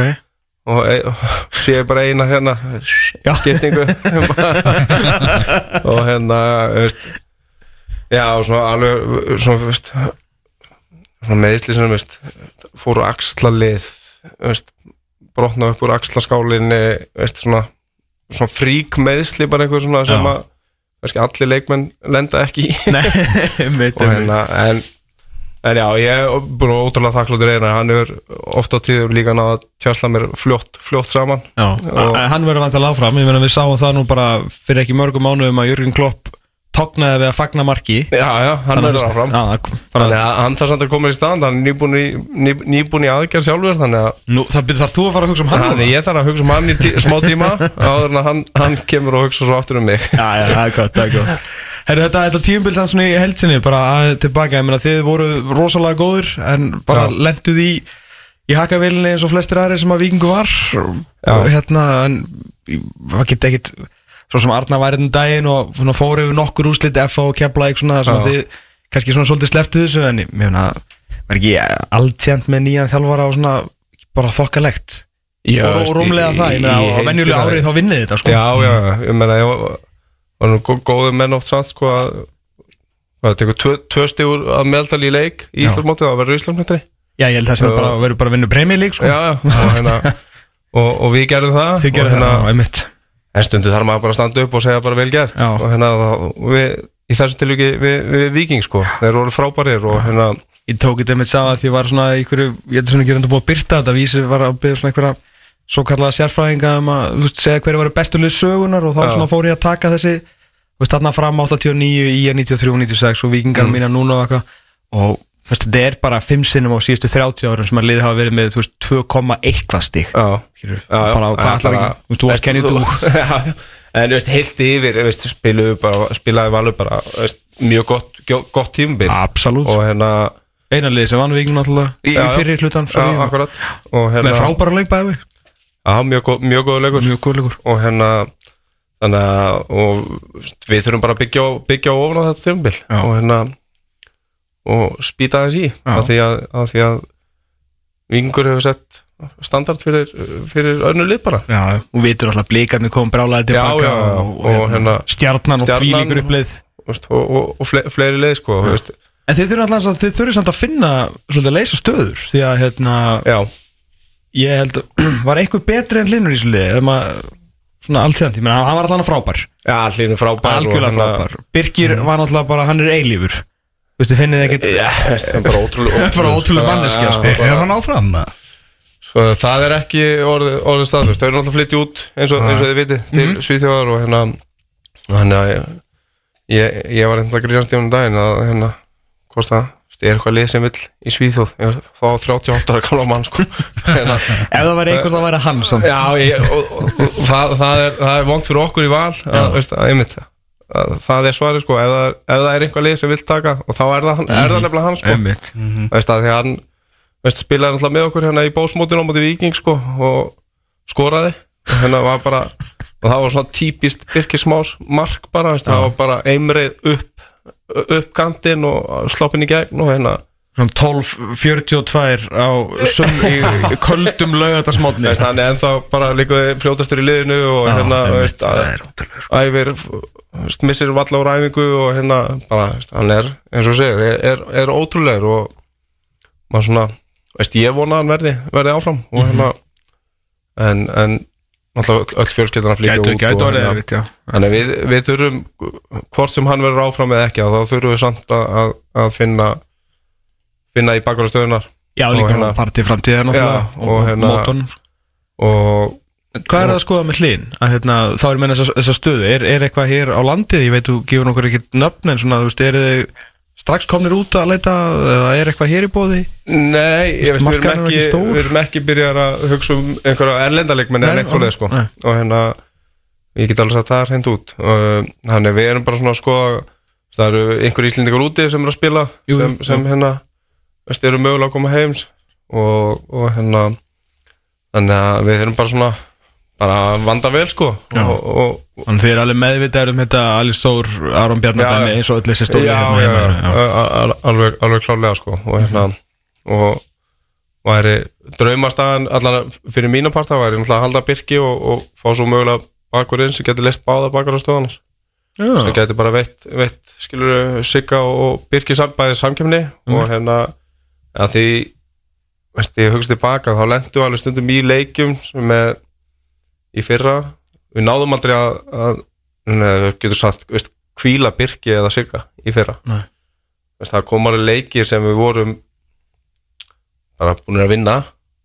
Og hefur getað kvílt á í 20 veist, tekja út á 60 stu eða þannig að svona og, og náttúrulega bara veita um samkefni skilur að, veist, veist, ég vala þá aldrei að vera örugur með eitthvað, með stöðu, finnst mér sko. Nei, nei Sem alltaf bara ótrúlega að þið náðu að gera sigga þú veist, að hann hefði nefnt að spila bakur sko. ég skil ekki eða, en hann var fljótur, fljótur hann var samt að hann var ótrúlega fljótur að einhvern veginn fitta inn í þessa stöðu og Já, sko, hann bara- spilaði þetta eins og yngri árum með Já, vikingi já, já. og þá voru alltaf að grína, sko, hann var að reyna að missa menn aftur fyrir sitt til að fyrir ekki að spila þetta, sko þannig að hann alltaf var bara svo ungur sóknarmaður þá, Já, skilur, hann er bara svo reyndur í dag hann, hann afgriðið, hann var alveg frábær. Já, hann var, hann var geggjaður svo, svo klár Já. fótboltamaður og það er ekki alltaf að vera eitthvað flótastur, nei, nei, nei. Bjarni Óla var ekki alltaf flótastur, hann var reyndar mjög stór, skilur Já, já. bara svo klár. Já, klár og, og bara, já, svona fótballa greint, mikil. Tekur þú hérna, þegar nú hefur við góða vinn sem valsari sem er líka einmitt besti vinnur Bjarni Ólas og hann er ekki alveg að kaupa þetta leikja með þitt því hann vil nota mínútur sko. Já, þú þá þá slæðis ekki að hvað sem er Siggi slæðir á endanum. Hann verður bara að gleymi sko að það er annar en hann sem er bara búin að spila helviti lengi sko. Þannig að hann hvað sem er tekur þetta ég, endanum. ég man ekki, voru nú að ræða þegar ég út í fyrra að hérna að kíkti Siggi á fjöldan sinn sko. Það er, Hvað vantar mikið þær upp á, veistu það? ég held að sé, ég held að náði ekki á næsta ári. Ég held að sé það er alveg það langt í Já, þetta samt, það ok. eru, þetta eru ég veit ekki hvort ég er ekki alveg klárað hvort, það séu 30 30 leikir, ok 30 og eitthvað leikir. Ok, ok. En samt hlýtur að vera sem samt aðkomum maður að endast þetta lengi með allars að titla að vera leikihæsti leikmaður vals í þú veist, í efstu deild þú veist, vals, skilur þetta er ekki bara með fullu veringu fyrir fullt á öðrum félögum. Það er ekki þetta öll félög valur. Nei, nei, klálega og bara ótrúlega, ótrúlega bara stoltur af þessu sko. Og hérna og já, uh, þetta er, var ekki eitthvað sem ég bjóst við að, þegar, þegar ég kom í val á sinni tíma hérna, og ekkert sem ég var að hugsa út í sko eins og Nei, nei, var, þess, þetta var bara lauma að mér sko fyrir fyrir tímabilið fyrra að á öllu líkitum myndi ég slá, slá leikjametið og, og það komur óvart sko. Já, þannig að, en bara ótrúlega stoltur. Já, ekki spurning. Það er Evrópa Þarna Vantarleika búin að fylgjast með blikum núna í, í Evrópukjarninni Já, Þetta er náttúrulega staður sem að þið valsmenn vilja líka komast á reyðlega kjarni Evrópu. Já, klárlega. Og hérna bara ótrúlega velgert hjá blikunum í, í þessar undirkefni þótt að jú, veist, framistæðan hafum í, í, í þessum reyðli og svona veist, bara búin að vera fín skilur spila með skulega að sé skilur en Klauvalega mistök. Já, já, klaufulega mistök en svo er þetta náttúrulega bara kannski ekki allir sem horfa bara á nöfnin sjá eitthvað líf frá Úkrænu og fyrsta sem þeir hugsa bara að, heyrðu, byrjaði á að vinna þá. Veist, þetta er samt skilur bara proper atvinnumannalið með fullt af budgeti og Já, bara veist, veist, við erum samt ennþá bara litla Ísland sko þannig bara eins og þegar þú veist Lútogorits Raskat kom að spila ykkur. Það þú veist, þetta bara hljómar fyndið. En síðan voru þeir, hvað, hérna, ég man að Benni var að segja ykkur, sko, þú veist, það voru fjóri gæjar með iPada að elda þjálfvaran inn í hálfleik að útskýra hverju væru hvar, þú veist, hérna á þólulega séð. Að meðan Óli fór og fæði sér kaffi, skilur þetta er bara munurinn. Já, já, og hérna, veist, man, við, við spilum við Maribor sko, þú veist. Eh, Maribor er kannski svona eina lið sem við spilum við sem hefur ekki, eða fyrir utan kannski veist, lið eins og frá Andorra eða eitthvað Mm. sem hefur komið bara á veist, öll, öllunni lið hafa bara pressað okkur í sko, raskat sko. Og hérna, það, það lið bara skellti sér bara niður, leið okkur um boltan og leið og boltan og að spila aðeins fram á við. Þá voru þeir bara mætti fjóri-fimm í kringum mann sko og, Já, og hérna maður, maður sá bara fjólblá treyjur sko. Þannig að þetta er þetta er náttúrulega hrikalega góð lið bara góð fótbollalið Ég meina, Og hefur ekki kent í topparatunni í Belgíu. Þetta er bara, bara geggjaður lið, sko. en þetta er klálega einhvað sem eh, bara önnul íslensk lið eiga, eiga að stefna að. Og hérna er, er náttúrulega erfitt að- að að- komast á og á að vera það. Æ, Og hérna- og hefni þarf að fylgja í, í fyrsta drætti í drættinum og allt svo leið já. sko, og hérna, en, en þetta er bara þetta er klálega einhvað sem, sem líkar eru búin að setja ákveðin standart þarna Mhm. og, hérna, og, og bara önnul lið eiga, eiga hérna, stemna þessu sem er, eru í Európa-kjöfninni Mm. Það lítur að skipta miklu máli þú veist, bara að ykkar heimavöllu verði löglegur bara til þess að þið getið spila heima ef þið komist að það Já, það, það er náttúrulega svona aðstæðan á þessum ástíma er ekki, ekki hérna ekki bærileg Nei. og hérna þannig að það þarf, ég, ég veit ekki þessi ég, valsvöldur er, er örglega ekki löglegu sko Ekki í reylikeppnina, sko Nei, Nei. er ekki með eitthvað veist, Það snýst náttúrulega aðalega um blessu 60 vöttin sko. Það eru perurnar Já, sem er að fara með, að fara með já, okkur sko. Já, er eitthvað mál að skipta, skipta það? þetta, þetta er spurning sem ég hef spurt alltaf marg ofta Ég skil ekki hvað vandamáli er þú veist, Það eru að teka svolítið tíma að skipta um marg, svona marga perur En ég held Já. þetta sé þurfi, Ég held að það þurfi að reysa bara nýtt mastur sko. Já, Já, Og það svoleiðis. er vesinni Já, það get ekki tekið við þessum perum vantanlega sko. Nei, Það akkurat, hefur ekki verið byggt til þess að í mögulega uppfæslu Svona ekta íslensk framkvæmt Já, já, já. Er það rótir að hafa þetta svona? Já, ok. Já, það er alveg, veist, að, það hefði til þess verið, skilur, leikurinn í hana Breiðablík Maccabi, veist, á Kópóðsælli klukkan, veist, kortur yfir sjö Allt annað með. allt annað heldur en klukkan eitt á fimmtudegi, sko. Bara, Það er mynd fer svolítið, þú veist, þeir fá grasið sitt sem þeir kunna á, já, en stemningin fer svolítið. Þú veist, eins og þeir er eru fengið talningi með mitt 19.00 eða 20.00 á mútið Sori eins og ég var að segja hérna Þú veist, þeir eru alltaf fengið eitthvað út úr Sori að leiknum. Ég veit að Sori er miklu betri þeir. En þeir töpuðu samt bara 1-0 Já, á velli sem þeir spila ekki á. Mhm. Þeir fengið sinnleik með sínum fólki, kvöldleik Þetta er bara alltaf að gei bara allt annað. Ég bara tekið undir það, sko. Og hérna, þannig þetta er eitthvað sem sem bara Íslands fjöluð þurfa að fara að skoða. Þú nú er bara búið að setja standard Einmitt. standard hérna, fyrir þessu að, geti, að Íslands er að fara að taka þátt vonandi í Europakefni á, á næsta árum. Hvort það sé ekki á hverju ári eða Nei, við vonum svona til að vera þarna Svona alltaf þrjá, hvert ári annað þrjá hvort ári svoleiðis, og hérna þannig að já, það er, það er fúlt að þurfa að vera þá að færa sig mynd yfir á lögðarsvöll og hérna og stemningi þar er veist, fyrir félagslega á Íslandi er náttúrulega Mjög erfið. Já, bara erfið. Og hérna, þannig að en það er rétt, það, þarf að bara að skoða þessi mál Góðfrétnar er að það er nú alltaf fullandi svingi hérna í, í aðstöðumálum fyrir fótboltan sko. það gengur hrikalega vel Æ, þar. Ég var um til að sjá viðtal við Steinar Haldós hann- Já, hann var ekki var pilla þar. Heldur fyrir hann er sko búin að augljóstur að aldrei genið svona að halda treð við fransakarflokkin Nei, þú veist, maður úr kópói þú veist, það eru vísir með það eru brá sko, þetta er svakalegt sko. Þannig að þetta er er er alvöru, ég held að viljum sem er fljótur á ringi hann sko Herðu, Já, við erum grænir hér. Já. Já, já, hann náttúrulega þjálfaðan í, í þrótti mín gamla gamla klúb sko. emmitt, emmitt, emmitt Já, ég held að hann komið sleppi nú ekki við það síndar Nei. sko, það verður fín Herru, þið er að bara vant- byrja að ræfa hvernig svo jólafrí hjá, hjá valsmönum Herðu, við förum í frí svona 20. 21. Ó, nú, það er bara fram að steik. Já, já, já, já, og, gott. hérna, og byrjum aftur þriðja Já. janúar, ekki Eitthvað bú, búinn hvernig næstu bós, leikur? Uh, Næsta lögadag, Næsta ráðu, ok. FH FH, já, já, FH vikingur hérna en þeir fá fá prógram frá okkur Já, yfir jólin já, sko. gott. það er, er ekki stoppað sko. Nei, nei, nei, nei, það er er helvitis vesen, það var að auðvitað að þú, var þú varst að byrja þessu, það var ekki, varst ekki sendum með eitthvað helvitis vesti heim, sko. Nei, það var, það var mjög fyndið fyndi, ég sko, Jóhannes Allarsson hérna fyrirvændi landstjórar Íslands. Já, hann er nágræður minn og það var mjög fyndið í saga því að segja að það var í, í COVID-inu.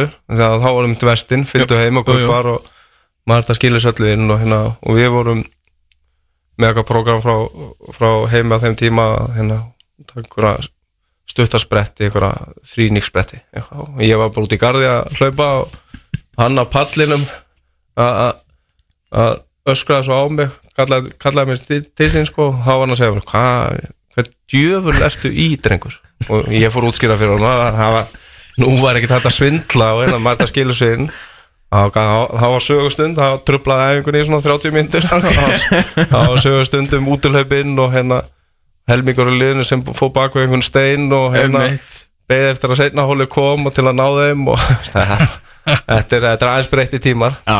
Og Getur engin ekki samt að- falið. En var engin samt að setja þetta bara á hundin eða eitthvað Já, það er gott Við reynda grínustundum í fyrra sko þá tóku við hérna á tóku þegar var svona helgafrí og svona, veist, þá vill allir að menn hreyfi sig aðeins, veist, það er ekki bara algjört, algjört frí sko, Nei, við nei. við erum tölast í helgafrí núna sko, en menn er að hreyfa sig á morgun, veist, hvort segja létt, í sund eða hjóla eitthvað létt og svona, Já. bara Bara og hérna, já, eitthvað svo leið sko Já. og hérna, eitt skiptið að þá hérna, gerðu þetta með kaupa og hérna, þá voru menn að grínast um að einhverju ákveðni menn hefði tekið nú bara hérna,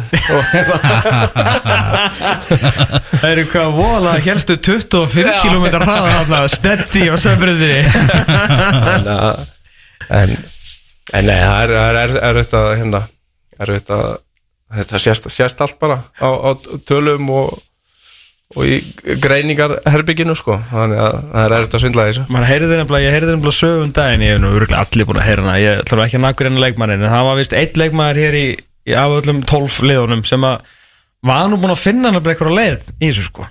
Og var að skila inn einhverjum gerfutölum Ég veit ekki hvað sem sagði Sörn Þess að ég ekki nefna hann En það var einmitt svona Ég veist, ég, veist, eitthvað svona álíka fyndi að hafa sett þetta á hundin skilur og bara, hérna, en það er eiginlega bara ofyndin til að veist, hérna, trúinni ekki sko. Já, En, hérna, ég lesi þó betra að bara gera það alveg annars verður bara er- fánd át á vellinum sko. Já, já, það, það er það sko. En það er líka ekki, veist, það er nú ekki margar ræðingar sem menn er að hlaupa eitthvað sjálfur Nei, nei, nei, það var kannski Þetta er- meira í kótunum sko. Já, akkurat.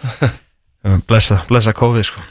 Herra Haugur, takk hjálpa fyrir komuna. Að gaman að fá því og bara gangið vel í þessu nýja gigi. Við bara hlökkum til að sjá því í þjálfarálpunni núna. Já, Ertu, heldur að vera brjálæður á liðlunni? ég held ekki sko. Þú heldur ekki? Nei, ég er alltaf alveg nú trilltu fyrir alveg þrjá fjóra. Ég, ég er svona þú varst ekki skapa á samaður á velli þú er að láta finna fyrir þér? Varstu, var það eitthvað? Nei, ég, ég held nú ekki. Þú veist ég, ekki eitthvað svona geltandi og þú leist Nei, bara nei, svolítið nei, nei. Nei, Ég einmitt, hérna- einmitt, einmitt. Harður en sangjar Já, Það ekki? já, ah, ég, ég myndi segja það sko. Mm. veist, Ég fór aldrei Og það er ekki Davíð Þóri í þér, skilur eitthvað svona Davíð Þó Viðarsson? Já, Nei, það fannst mér ekki. Ég kannski tók hérna Þegar einhver svoleiðis einstaklingu byrjaði. Já, þú veist var að svara svona- aðskilur En ég held svona veist, ég hafi bara verið sangjan í öllum, öllum Já, mínum einmitt. hérna, hvað segir maður, svona návíum og svona sko, það fór aldrei eitthvað til að reyna með einhvern eða, Nei, emitt, emitt en jú, jú, komið örglega einhverju leikir þar sem menn voru orðinir vel pyrraðar á mig sko En voru þið líka eða 200 svona. og eitthvað sko að Já. eðl- eðlilega þetta var ekki að vera Nei, ég, ég hlaka til að sjá svona þess á hlilunni Hvernig síða það- úlpu, ég held að hún farið að taka síða eða? Já. Já. Vengar Já, Ég ég er búin að að vera stuttri núna sko. Að- síðan ég Prófa byrjaði, þetta lögadaginn Ef þú finnur henni síða. Við erum inn í skessunni sko. Þannig ég þarf að vera, það er ískaltar sko. Jésu, passaði það að vera allan í hérna eh, Þremur sokkum. Já, Svo þegar sólinn kemur það ertu í stöpugsunum Já, þá eru tekið stuttbuxur. Voru að lofa okkur því. Það voru að lofa okkur því. Herru, með þeim við að hvað Báll Sigursson, leikjasta leikmaður Vals. Eh, Takk hjá fyrir komuna, við höldum áfram að tala um fótboltíðir eftir auknarblik Haukur Bátt Sigursson var að yfirgefa fiskabúrið út á satturum fótbolti.net heldur áfram til klukkan 2 í dag Hér á eftir ætlum við að fara hans í enska boltan en uh, fyrst það er svona meira, meira spjallum varandi, varandi íslenska boltan Arta Gunnlaugsson, hvernig er svona bara þú sem stuðningsmaður vikings? Já Ertu farin að svona búða bara undir það að Arta Gunnlaugsson sé á leiðinni út? Eftir að hérna maður fór að heyra meira af þessu Hammarby dæmi sem ég myndist á nú hérna held ég fyrir tveim vikum eða svo sem ég hafði heyrt mjög lauslega af þá gegnum mínar heimildir í, í, í sví í þjóð. Já. Núna þegar það hérna er komið svona á, á fleiri staði og Hjörfa var nú að tala um það í, í vikunni ég áttum ekki ákvörð að sé veist, sama heimildin skilur Svona endurvarpast. endurvarpast Já, en hann allan að tala um vinni sína í Svíþjóð sem að hérna, hann þekkir náttúrulega marga á Norrlöndum þannig að og svo er maður búin að heyra í öðrum að ég, ég, ég, get ekki, ég er ekki ennþá búin að greina hvort það sé sami ringurinn Mm.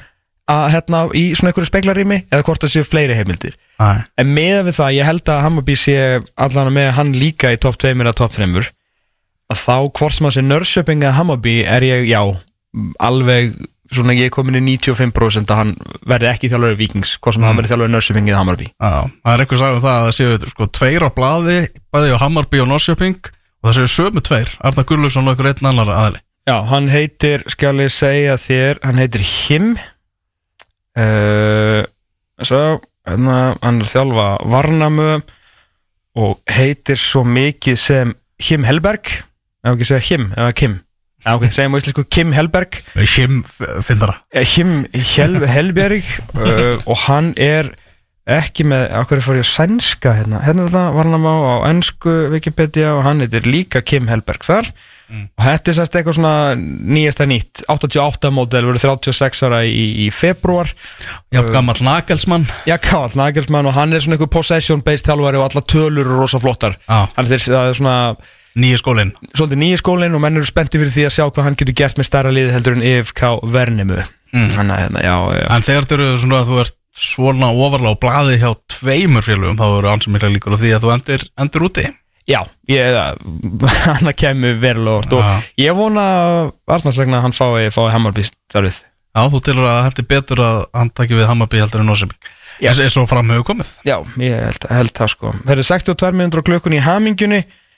0-0 vikingur FH í bósbyggarnum Já, bóðsbyggarinn í, í fullum, fullum gangi. Mhm. En ég var að tala um hann að lengjubyggarinn hann var tilkynnt núna í vikunum eh, með leikjanöðuröðun og að drögað leikjanöðuröðun Svona áhugaverðast í þessu.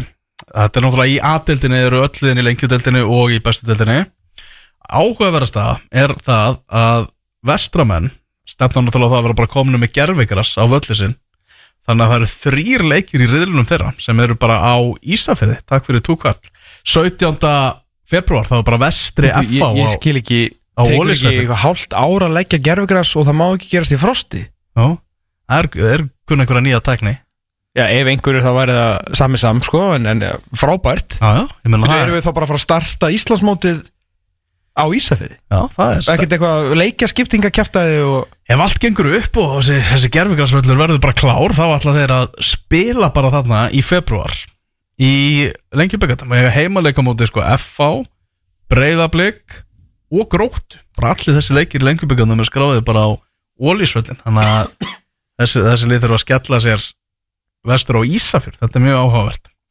Þetta er á Ísafirði lengjubíkarn Já, Vá, í hvað ég held að uh, hérna mörg, margir knarsbyrnum sé ekki nenn að því. Það er nú Nei. eitthvað, um svona hælsæri og öðvatóknarnir hann í aðdrahanda þeirra leikja held ég. Já, Er þarna, við vorum með Haugpáli hérna áðan og hann var svona minnast á það að valsmenn varu meðal annars að skoða leikmenn sem að væri á leiðinni heim úr og, atvinnumessku og í sína stöðu.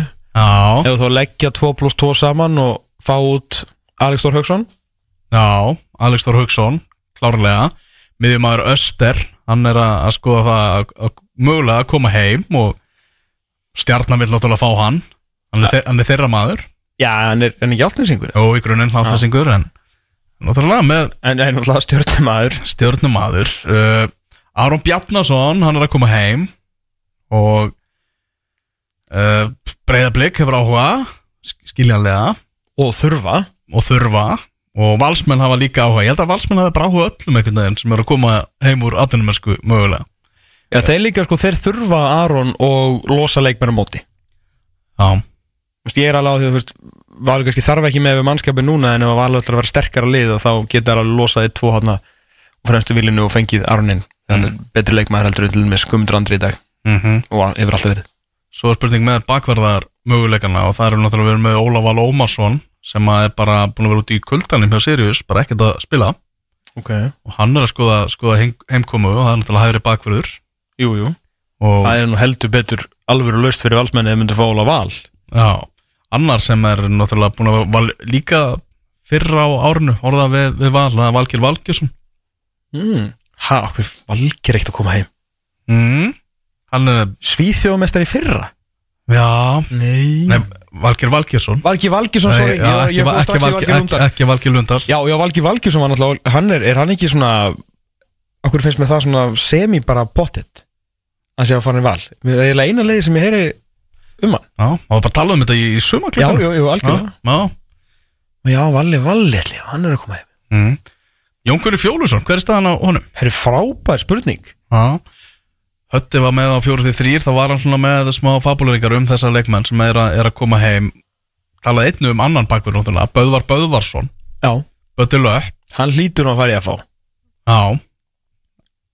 En ég meina, stóru klúbanir munur allir tjekka á honum held ég Já, og Sagan segir að það sé nú ekki eitthvað allt og mikið til í, í hefnafyrinum þessa dagana Þú veist, þeir þurfa allan að velja vel Já, og vanda valið en, en ef þeir alltaf vanda sig eitthvað staðar þá hlýtur nú að vera auðveldar að fjármagna uppalinn F-fáing heldur en einhver aðra leikmenn og Jón Gunni Fjólusson maður hlýtur að hugsa bara þú veist, hann er að reyna að jafna sig okkur meðslum áður en það kemur meiri ljós hvað hann ætlar að gera sko. Það getur ekki þannig verið, Ah. bara spyr sig hvort að hafi eitthvað komið upp í, í lækniskoðun eitthvað staðar eða hvort að menn sé bara býða eftir vil ekki semja vera hann fyrir á nýja árið og þú veist, óþarf að vera borgar um eitthvað desember ég, þú veist, ég bara áttum mikið að lása því að maður held einhvern veginn að þetta er bara klárt. Mm -hmm. en hann hefur verið í náttúrulega, náttúrulega sleit, mætti aftur og sleit þannig að það er verið langu við og tilbaka hjá hann Annar leikmaður sem að fjóruð því þrý nefnir Aron Sigurðarsson eftir já, langa veru út í, í atvinnumennskunu búin að vera sjö ár. Já, þá stað gæti þessu, stað þessu vel sko. já, búin að vera bara hörku flottur þannig að þetta er, Hann er nú ekkit liðspöndin nefnilega, hann getur, honum er alveg drull. Já, hann fer bara þangað það sem að Hann er bara fjöllismæður sko. Já, já, hann fer bara þangað það- það sem hann líst bara best á aðstæður og, og, og samning sko. geta alveg trúið því Þetta er rosalegt manna hérna, mannaval sem er að koma heim. Eða er allir þessi svo varst að tala um já, er koma allir heim mm þá er engin smá bæting á deildinni. Já Alex, Óli. Valgir, Aron, Aron Jón Kvöni ef hann verður heill. Mhm. Þetta eru leikmenn sem getur fengið Hvað með Ögmund Kristinsson, er hann að verja marka eitthvað stæðar? Nei, hann er bara ennþá í Greiklandi Akkur er ekki breiðaflik að sæna hann? mm. Ég heyrði það að Augmundur Kristinsson skiljalega elski bara lífið í Greiklandi Eðlilega og hann, og hann finnst bara fínt að vera hann í með, með fjölskylduna í, í Greiklandi og, og meðan hann er bara á fínum samning og Ok sé ekkert eitthvað með hann að gera mikla kröfu á það að vera endilega að spila sko. Ok, hans líf, hans val hann bara synd, hann er hörkuvelvitis markmaður Já, en ég held að það er bara fínt að búa í Greiklandi Já, á sömu stöðum allavega Já, já Þannig að, já, en þetta er hann er að sjálfsögðu markmaður sem að hefur verið nefnt í sögunar og meðal annars orðað við K.R. Já, K.R. og Breiðablikur svona þau tvö stólið uh, sem að þurfa, já, þurfa, nei, og K.A. er líka ekki Mm. Framarar sömdu aftur Óla Ísól. En ef að augmundur er í bóði þá hann alltaf að fá samning frá, frá samningstilbóð frá fram Það getur ekki annað verið en hugmyndur er fyrir miður fyrir framar of, of stóru og góð til að spila fyrir fram í dag. Uh, nema bara þú veist að tögin sé svo römm að hann vilji bara koma heim. En þetta er náttúrulega markmaður sem á bara að vera Íslandsmestralið Við talum mikið um náttúrulega síðasta sumar að markmannstandardin virðist ekki vera allt og hár á Íslandi, það virðist ekki vera, hann er það ekki Þetta með í deildinni, þegar hann er ansi hár almennt sko, við erum það- 24 atvinnumenn eða eitthvað. Já, já, það kemur að landsliðinu og einsvarslandsliðinu er mjög hár en það kemur að deildinni er hann, er hann ekki hár. Og ótrúlega fáir markmenn sem voru að skila jákvæðri tölfræði á síðasta tímabili sko. Já, og meiris að eins og segir sko, skila góður tölfræði því að þeir sem voru góðir voru meiris að ekkert spes. Náttúrulega yngvar uh, mjög öflugur, Fredrik öflugur síðan bara Antonari vombriði uh, Káar markmennir báður hvoru gæti ekki neitt. Mm -hmm. Káar markmennir báður gæti ekki neitt. Uh, hérna hver er markinu hjá FH sem er náttúrulega Sindri, Sindri, ævintýralegum vombriðum eftir að hafa verið besti markmennir deildarinnar árið áður. Svo kom Daði sterkur inn og búin að fá nýjan samning núna. Já, en já, þurfti, þú veist að hérna, hann svona bjargaði því sem að bjarga var en já, eins og segir að, veist, Óli alveg bara gaf, hvað, áttavíti í röð. Mm -hmm. uh, Rósinur til keflaði góður. Þú veist, hann svona Á þeir nægu að snúast. Alveg nóg að gera hjá honum uh, Brasi IPVF uh, ég fyrir svo sem að hefði eitthvað skoðun að hann svona var stundum svolítið lítið þarna í fylgismarkinu hann Óli en, Já. Það er rétt sko. En þú veist, hann var ekkit verri heldur en aðri liður, sko. Ég er ungu markmaður Já, og En já, þetta, þetta er rétt, já, þetta er svona markmannstandardin Ég man að það er ekki mörg ár sem við vorum um að taka saman hvað hann var hár. Já, í deildinni. Mhm. þá svo sem vorum við ekkert endilega að voru meira að nota ættestið þetta var bara eitthvað gulli gull og, og félagar. Og Já. mikið, þú veist, Stefán Logi og eitthvað, vorum hörku markverð alls þar mm að hérna, hann er svo yngvar og ég dí hvað og hvað sem allir síðan fóru eitthvað aðeins í atvinnum mennsku en uh, þetta er það verið brasa að finna markverði núna sko. Já ekki nema þú bara letir út fyrir landstyruna já, og þá ertu bara komin í eitthvað algjör tappa glappa demi Já, það verðist vel að þannig Víkingarnir voru samt ágæð, þeir voru fínir að hitta markverði bæði þarna Tómas, þarna sem að elska Batman Já, þarna nafnum minn, hann var fýll svo þarna, hvað heit hann? Andri Hansnei, það var náttúrulega káur Andreas Larsen, eitthvað svo logi fann já, sem var alltaf bara eitthvað svona sturlaður vörslur já ég var hrifun á honum. Hann var góður, Já, ekki stór en hann var góður. Hann lipur, hann var lipur. Hann var lipur, hann var lipur. Herru, sástu hvernig logi eðilaði hérna kveðustundana hjá Andri Hansen? Er það, jú Ég, ég, ég, ég sá það, segðu þjóðinu frá því. Þetta var helviti gott Andri Hansen sem var komin á lán til KR var algjörlega stórkostlegu fyrir KR-lið kom í ljósa hann var síðan nokkuð góð markverður því hann er búin að verja Mark Rosenborga núna sístu átta árin. Mm uh, og hvað fjórfaldur Noregsmestari og ég veit í hvað og hvað. Nema hvað það er búið að sparka honum úr RBK að það er að 19 eða 20 19 ára eða 20 gutti sem er allan að spila núna og ég held að þeir að veðja hann núna til framtíðar. Þannig að Andri Hansen er komið tilbaka úr meðslum og Rosenborg bólklub var að spila lokarleiki sem síðasta heimaleiki sinn.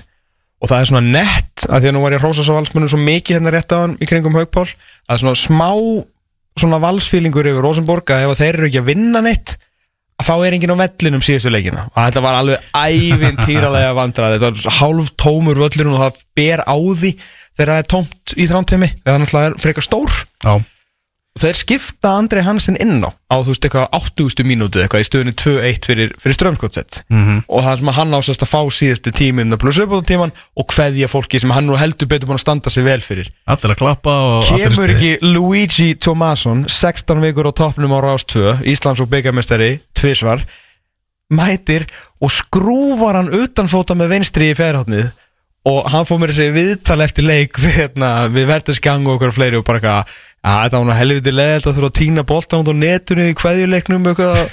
Fekk eitthvað drauma mark á sig. Greið strákurinn, en marki geggja höllu Já, hann er, hann er að skína. Það er að segja það. Já, þeir eru með 95% sigur hlutvall þegar hann mætti í þeim leikið sem hann hefur spilað. Já, Just saying. Skrappi gott. Já, vel gert. Herru, ennski boltinn, það er engin hátegisleikur í gangi núna Við það tölum samt ekki um eitt á hann. Ok, Við fórum ekkert í pulsumálið já, þú vilt meira, meira Nei, í bara þú pulsumálið veist, ég, bara, bara, ég vil fór að heyra frá þér. Hvað Já. finnst þér um þetta? Um pulsumálið? Já, hver á að borga? Vá, þarna, Ríkið. Já, ok. Ási. Þetta var alvöru eh, cop-out af Því að þú veist það er ekki að fara að borga krónur sko. Já, já, bara þú veist herja á ríkið að borga þetta. Já, þeir muni ekki gera það. Þannig, byggja þá nýjan völl bara. Sleppið að Þetta borga er þetta ekki, og þetta byggja er nýjan ekki svar, hver á að borga? völl Ríkið Það, það er ekki að fara að gerast. Þeir, þeir, þeim er þeir ekki skuldbundin til þess Ég meina þá væri að velja KSI Það er engin annar þá að fara að gera það. Blikar er ekki að fara að gera það sko. Nei, nei, það, þetta er nefnilega hræðilegt mál og þetta er svo ógeðslega íslenskt að því að Það er, regl, það er í reglunni um, reglugerðum það að KSI að sjá til þess að sé leikhafur völlur á Íslandi. Hárrétt Að byrja ábyrða því. Hárrétt og það er það sem að blikarnir eru að benda á. Já. Eðlilega, þegar þeir ætla ekki að standa að ströyma ykkur 50 miljonar konar kostnaði. Sko, hérna Ef ég Ef ég lasi þetta rétt þá var þessi regla sett, veistu, var hún sett 2022 að það er eitthvað, þú veist, að það í þessu screenshoti sem allir, Þekkir ekki. allir eru að benda á þessum að, hvað sem að var hérna á vísið eitthvað þá stendur eitthvað svona 19. janúar 2022 eitthvað, það er eitthvað dagsetning. Ok. Og ég áttum ekki á hvort það sé bara uppfærsla á öllum reglunum eða hvort að þetta sé eitthvað nýtt inni þá. Já. skiptir svo mikið öllum Klókus á þess að setja þetta þá inn.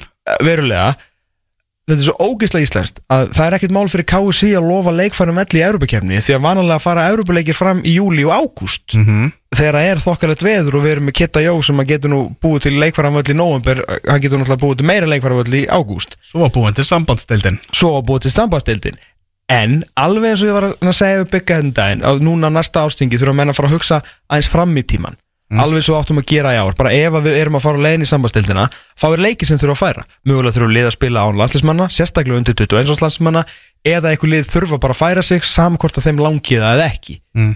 að því að loka markmið okkar hlýtur alltaf að vera að koma liði í sambastildina en þetta er alltaf svona, þetta er svo retroaktív sko. Núna á einhvern veginn bara hérna, nú eru setjað hérna blikarnir uppi með hérna, þessa sko, skuld sem að þeir alltaf síðan ekkert að borga það má ekkert við að setja 50 miljónir í viðbúti mínus á reikningin skilur Nei, þannig að þetta er Þeir alveg eru að reyna að fá ríkið til að borga það? Sem að mun aldrei gerast. Nei, nei. þannig að þetta er svo, þetta er svo ömurlegt KSI endar með það að þurfa að borga þetta. Mm. e Eitt samt, mér þætti samt eðlilegt að breyðablík stæði ströym að einhverju hluta af þessu. Aðlega bara því að þeir náttúrulega, þú veist, það er kostnaður við að taka þátt í Európu mm. og þú er náttúrulega átt á því að ég held að leigan og lögutasvelli sé, þú veist, hún er millir þrjára og fjóra miljonir veist, að bara leiga völlin er ég meina K.A. til dæmis, sem að spila á lögutasvelli þeir hérna hvað præsmónið fyrir þeir þeir, þeir spila mútið geng var 200.000 eurur ef maður rétt á því stíði kefnir sem eru, er ekki 30 miljonir eða eitthvað segjum það, bara það er leiði tala og ef þeir hafa borgað 34 miljonir fyrir vallaleguna Mm. þá er 10% af veluna fyrir þeirra fór til KSI af því þú veist, þeir þurft að nota völlin skilur Já, já þannig að þú veist, ætti blikar að borga 10% mm að fyrir þess að tvo, þú veist, ætti þeir að borga 50 miljonir bara til KSI fyrir hann, kannski eru þeir að borga eitthvað, ég er bara svona að tala um Eru potið að borga eitthvað? Ég bara, þú veist, eru er, er þeir bara að borga þessar fjóra miljonir pluss fjórar fyrir þessar tvo leiki sem bara svona, við þætti að leiða þeir fengu halvan miljard sko, Káa fekk 28 miljonir þannig ég sé held að vera alltaf lægi að blikarnir sé að borga þannig að eitthvað ströyma þessu en það er alltaf fullkomlega galið að nokkuð íslensk félag og breyðablík þá í, þessu hérna samingi sé að borga 50 miljónir sko. Þetta er bara, við stáum ekki að virka þannig. En Nei. eins og alltaf, allt hér á landi gerist alltaf eftir á. Við erum alltaf að bregðast við og þá er alltaf allt komið upp í, í háaloft Það er íslenskt. Það er mjög íslenskt. Alveg eins og byggja fljóðlós með 48 perum. Já Yfirgjöfum þá pulsun og förum í ennska boltanlega engin hátæðisleikur Það er eins og að ég vissi ekki svona pulsan var á vellinu vanlega er alltaf, þú veist, lifandi myndir og eitthvað og Ljóðandi myndir. Þú veist, maður sér að pulsan var inn í kringu landsliði Já, þá var alltaf live feed frá pulsunni. Já, já ég eftir því. Pulsan góða maður. Það er erfitt að segja skilu við pulsuna góða en þetta er samt að gera. Förum í ennska boltan Förum saknunar Já, eru Newcastle Manchester United er í kvöld klukkan 8 Manchester United er að fara í þryggja tíma rútuferð norður því að það var aflýst fluginu. Það er eitthvað vetrar, vetrafærð á Breitland segjum þannig að það er bara rúta, gamla góða rútan. Já, það er alltaf að auka ásökun ef illa fer. Já, ég vona þetta sé svona rúta eins og við vorum í, hana, í Rússlandi. Að leiðinni heim frá Rostov on Don Já, Já, leikmanna United vegna allir að vona þessi ekki þannig. Það var bara eins og pyntingaklefi Já, Arsenal að fara að gefa mútið úlvónum það með að leikja sem eru klukkan þrjú svo 17.30 Nottingham Forest á móti Everton mönnum sem eru búin að áfrýja þessum tíu stegum sem að þeir fengu hérna í, í mínus. Og liðin sem að fjallu eru hætt við að kæra þau. Já, ok. Kæra auðvitað, ég las það í vikunni. Það, það var allan að ansið þægilegt. Já, geta allavega þá að hugga sig við það. En helviti herfitt ástand hjá, hjá Everton mönnum og áfrýjunin niðurstaða hennar mun kom í ljós áður en tímabilinu líkur þannig að það er skrítið að vera einhvern veginn að spila í gegnum allt tímabilið svo mögulega allt í einu en, Enda svo bara í Evrópu Þið fáið tíu stegin aftur tilbaka maður veit ekki, en maður heyrir það líka þeir séu bara algjörlega sjálfur í myrkrinu með röksendirnar fyrir því að þeir eru að fá tíu stegi í mínus það sé ekki búið að kynna það almennilega fyrir þeim sko. Nú, ég held að það hefur verið svo augljóst að þeir hefur bara skrifað þetta í eigin áskýslu Já En einhvern veginn rökin með dómnum Af hverju þessi, já. þessi harkalegi dómur Því þetta eru, þetta eru harðasta refsing í sögu þú veist, þeir veit alveg hérna, fyrir hvað eru sekir en þeir fyrir dómurinn galinn. Þess að refsingin fyrir ekki Já, og, við, og þú veist, þú er ekki ennþá búin að fá útskýring á því Þú veist, er þetta eitthvað, herru þið brutu þetta Þá missið þið þrjú, Einmitt, svo missið þið fjögur fyrir þetta. Já, Þú veist, þarna, Hver er rökin fyrir því að það eru tíu steg Sem eru dregin að? Geggjulegi að rétta yfir sitt í næsta höst þá að reyna að komast í gegnum þetta tíumbil Já, það var rétta yfir Manchester City. Það var réttarhöld aldarinnar Í fótboltaheimunum Eins eins og þetta var kallað í, á, á fjölmiðli Við ætlum einmitt aðeins að, að snú okkur að því núna því að uh, hlaðvarpstáttur sem heitir Álhatturinn er mikill aðdáðandi þar sem að uh, Guðjón Heiðar Valgarsson og, og, og félagar hans rýnaði svona í ýmsar samsæriskenningar. Uh, virkilega, virkilega skemmtilegt dæmi. Siggi, slögtu útvarfinu fyrir mig. Gerða það bara fyrir mig. Já, það tala um Sigga Helga? Já. Já, ég held að slögtu strax Það eru já, Guðjón Heiðar, Haugur og Ómar sem að taka svona eina rýmsa samsæriskenningar og í nýjasta þættinum sem að kom inn í gær þá voru þeir að rýna í samsæriskenningar í fótboltanum og varðandi Manchester City. Og heiti heiti þáttarins eru að eigandur City séu að hafa óeðlileg áhrif á domgjastluna í ennsku úrvastildinni í krafti auðavasinna Já. Hvorki meirinni minna og, það, og þeir velta þessu fyrir sér veist, og, og skoða þetta algjörlega í kjölin hvort að þetta sé uh, þetta sé neðurstaðan sé já eða nei og svo segja það sitt álit alltaf í, í lok þáttarins. Já, ég segi bara Ég er þetta að fá að hlusta á þennan þátt með Sigga Helga.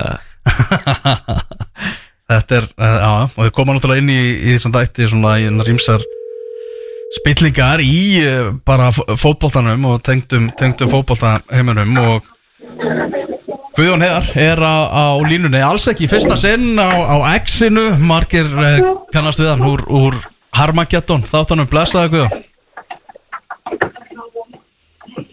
Halló, Guðjón, þú ert með rangt símanumir, ég heiti ekki Guðjón. Ég er að ringi í rámt Já, ég, ég byrst innilega afsökunar á þessu Allt í góðu Smjörputtarnir ég, ég, Við sættum okkar bestu kveður eins og þetta þín Já, bara bestu kveður heim yfir hafið, blæsaðar Blessaður.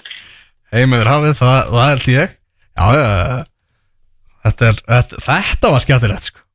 Já, já Þetta var, ég veit, ég veit, fatt ekki hvort hann var hress eða óhress með þetta Hann allan að var að borða og í útlandum uh, Herri, það er 1-0 F.A. Róbert Þór Valdimarsson uh, skoraði eitthvað eitthva glæslitt mark segir F.A. stuðnismæðurinn sem er með á linni hér frá úr uh, hefa heimaðalli hamingunar sem að því er vantilega ekkert að markan en allan F.A. er að stefna hér á, á góðan sigur á vikingi og útivelli í bósmótinu Ná, það er svoleiðis Hvert til að ringja núna? Belgiu? eða Tenerife? Já, Guðjón Já, blessaður Ég náði að slá inn rétt númer Við erum með eitthvað óvæntu manni eða rétt, rétt á undan en nú er rétti aðeirinn komin á, á línuna Guðjón Valgarðsson. Kannist þið röddina núna, eða ekki? Já, hann við Nú líður okkur betur sko Er það ekki? Gott að heyra ykkur, hvað segir? Já, við erum bara, við erum bara góðir sko Herru, Það Elvar? Elvar var, hérna, var að hlusta á þátt með þér og hann ætla að fá þér svona aðeins til að útskýra hvað sko, talendum að æra óstöðan sko fara í, í stuðnismenn fótboltaliða þetta er svona hlýtur að vera bara með í svona hættulega sem þú gert Uh, er þið bara að setja sitt með ykkur stuðningsmenn? Ég hef ekki hitt þá, ekki margarlega, ekki hérna. Og flestir eru kannski tíu ára eitthvað, skilur. Uh, er ekki hættulegir ennþá. Já, þessu voru náttúrulega eru líka góði menn sko sem eru hérna svona milli 50 og 70 sem byrjaði að halda með þeim svona inn í 60 sko Já, jú, reyndar, frændi minn reyndar bróði pappa, hann er sitt í maður, sko. Já. Frá því fyrir, fyrir hérna, olíuköp. en hérna, sko, já, en, en þú veist, svo náttúrulega verður fólk að hafa í huga. En þú veist að uh, núna til dæmis sendi mér einn hérna kunningi hálf fimm í nótt einhver skilabóð, alveg brjálæður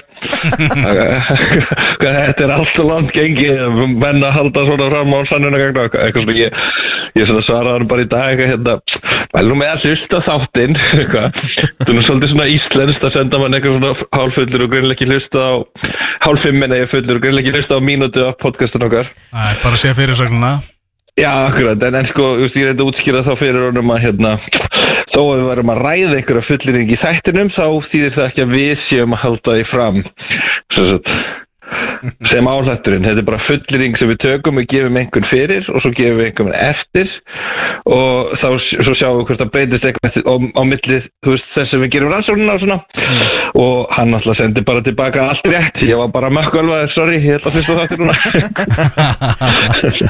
Hérna, gefðu okkur þá aðeins svona þáttinn og, og niðurstöðuna e, á, á kannski aðeins skemmri tíma þið gerir þetta í svona, hva, hva, hver er fullringin og, og hvað var svona allavega þín, þín skoðun fyrst línni? Akkurat, það var hérna þess að eigendur Man City hafa, hafa, hafa óeðilega áhrif á domgjastlu í ennsku úrvalstildirinnar í krafti auðavarsina. Okay. Og hérna, uh, já, ég, ég, ég alltaf, eins og segi, einhver frá einum upp í tíu, ég fór í fimmu í byrjun og haug, haugur var í þristinum og Ómar í fimmu.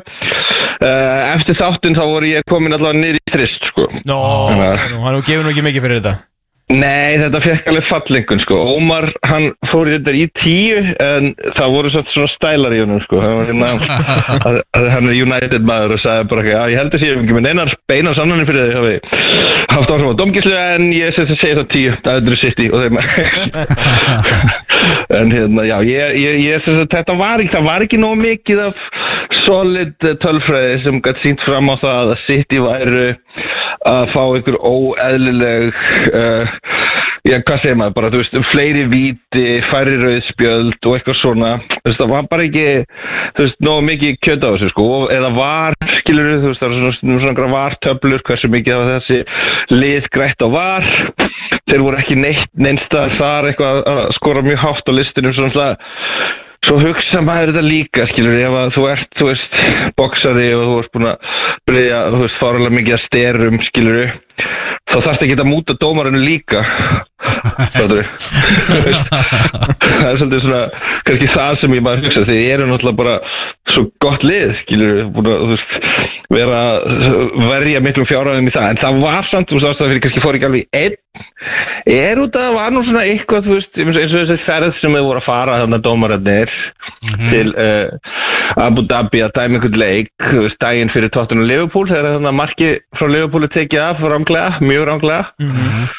Uh, og það er svona eitthvað sem að fólk setur smá spurningamerki við, þú veist, og þá getur það líka verið, skiljur, svo þess að, sko, fulliringin er orðið, orðið ákveðið, svona loðin, á loðin hátt, þarf að segja, uh, að segja, að uh, hafa óeðlileg áhrif, þú veist, í krafti auðvitað að þetta getur sem sagt verið ákveðin leið til þess, þú veist, hérna komið þið og fáið að dæma leik og þið fáið hérna, Uh, 20 pund eða whatever skilur bara eitthvað, eitthvað svona háa fjárhæð sem þið fáið fyrir það og þeir kannski hugsa já, þetta var nú fínt að fá þetta gig. Þú veist, ég fæ það kannski ekki ef ég er að dæma að geta tarkala á mótið með eitthvað svona skilur. Þannig að það séu bókstallega að hérna lögum einhverju umslægi undir hótelherbyggishurðina að þá sé kannski einhverja tilrunir til að svona en, en annars fórum við svolítið vel bara í gegnum líka þú veist, þetta er yfirleitt það er smá bæjas yfirleitt stó, fyrir stórlið og fyrir heimaliðin skilur þetta? Þannig að, veist, að þetta væri veist, já, að það væri sagt ekki beint hægt að hérna uh, setja þetta upp þannig að þetta væri eitthvað svona mjög grunnsanlegt sko, eða, eða þannig að það væri veist, eitthvað sem að City væri búin að vera græða. En þetta var stórskemmtileg þáttur. Við náttúrulega vitum það að það eru kannski einhverjir álhætta hlustundur sem að hafa ekki sérstakann ákvæða á þessu en á móti kemur þá kannski einhverjir nýjir hlustundur sem að munu tjekka á þessu og við erum að fara þannig yfir skilur spillingu FIFA í kringum HM og í kringum ímislegt náttúrulega bara þeirra spillingamál og svona, svona mál í fortíðinni og eitthvað mm -hmm. þetta var svona gaman að fara við, víðan völl í þessu. Og hérna fara aðeins yfir fótbolta. Hver veitum að við tökum einhver fleiri fótboltasamsari fyrir aftur sko? Já, það er alveg samsæðiskenningur í boltanum, það vantar ekki, sko. Nei, ég er að segja það sko. Og hérna hann var hann hérna hafliðir hann, hann er ekkert í þættinum í dag hjá okkur. Nei, hann er í Cardiff í Vels Já, ok, ok, hann alltaf eins og hann alvar hann alltaf var að koma til mín hann á EXO þegar ég var að vinna þar. Og, það, og það var ein, ha- hafliðið var svolítið kveikin að þessu. Hann svona, hann sagði mér þetta með dómarana þannig að, já, mér fannst það nú svolítið skrítið. Það var nú eitthvað, ég er nú ekki mikið samsæðismæður en það var nú eitthvað hann er náttúrulega svolítið púlari sko. Tarður pólari sko. Já, já, akkurat. Þannig að þú veist, það var svona, ég að hugsaði bara, jú, jú, það var alveg gaman að taka eitt svona þátt sem að fer inn á þetta uh, já, og hérna þetta er eins og ég segi, þetta er náttúrulega alltaf á Spotify og svo erum við með umræðahóp á Facebook veist, það sem að uh, er hægt að ræða um alla þessar hluti og kjósa líka í könnunum og svona, þannig ég myndi þetta hvetja alla til að uh, mæta í þá grúpu. Já með álætt á höfði Með álatinu höfðu og Það þá er hægt að skoða hérna til dæmis uh, Titanic var grandað vísveitindi af klíku öðjöra sem var svífast einskis og kannski uppáhaldi mitt handriðsöfund af The Simpsons er með dulda vitniski um atbyrði framtíðarinnar Já, það var, það var náttúrulega sérstáttur líka, sko, það var síðast þáttur undir. Við fórum náttúrulega, sko, það fórum svo, svolítið hart inn í eh, 11. september, gerum tvöfaldan þátt með vikum millibili um það og það fannst okkur svona að við þyrstum að færa okkur aðeins yfir í eh, svona eh, léttari eh, topic, tókum þá Simpson og svo núna sporti, þannig að við ætlum að taka tunglendinguna næst, þannig að hver veit, það er svona klassísk kenning. Já, ég, ég, ég, var, í fimm tíma flugi um daginn og ég var svona, hm, hvað var ég að hlusta á? Bara álætturinn, ég ætla að taka, taka álættin Og það Já, var, hvað- það var nýjasti þátturinn, það var hriðjöverkin 11. september. Ég er svona, ég ætla að sleppa því að hlusta á hann í flugi kannski. Ég tek, tek að setja Já, ok. Það er kannski mega smá sens svo sem hérna, Það er eitthvað við það kannski að vera óþægilegt að vera að ræða það mál? Það er kannski að vera komin á jörðin allavega. Já, vera að láta fætur snerta jörðu þegar maður er að horfa, hlusta á það þátt sko. Það finnst þið nefnilega stoppuðu mig sko. Ég er akkurat í miður kafa að horfa hérna á JFK myndina Þannig Oliver Stone myndina.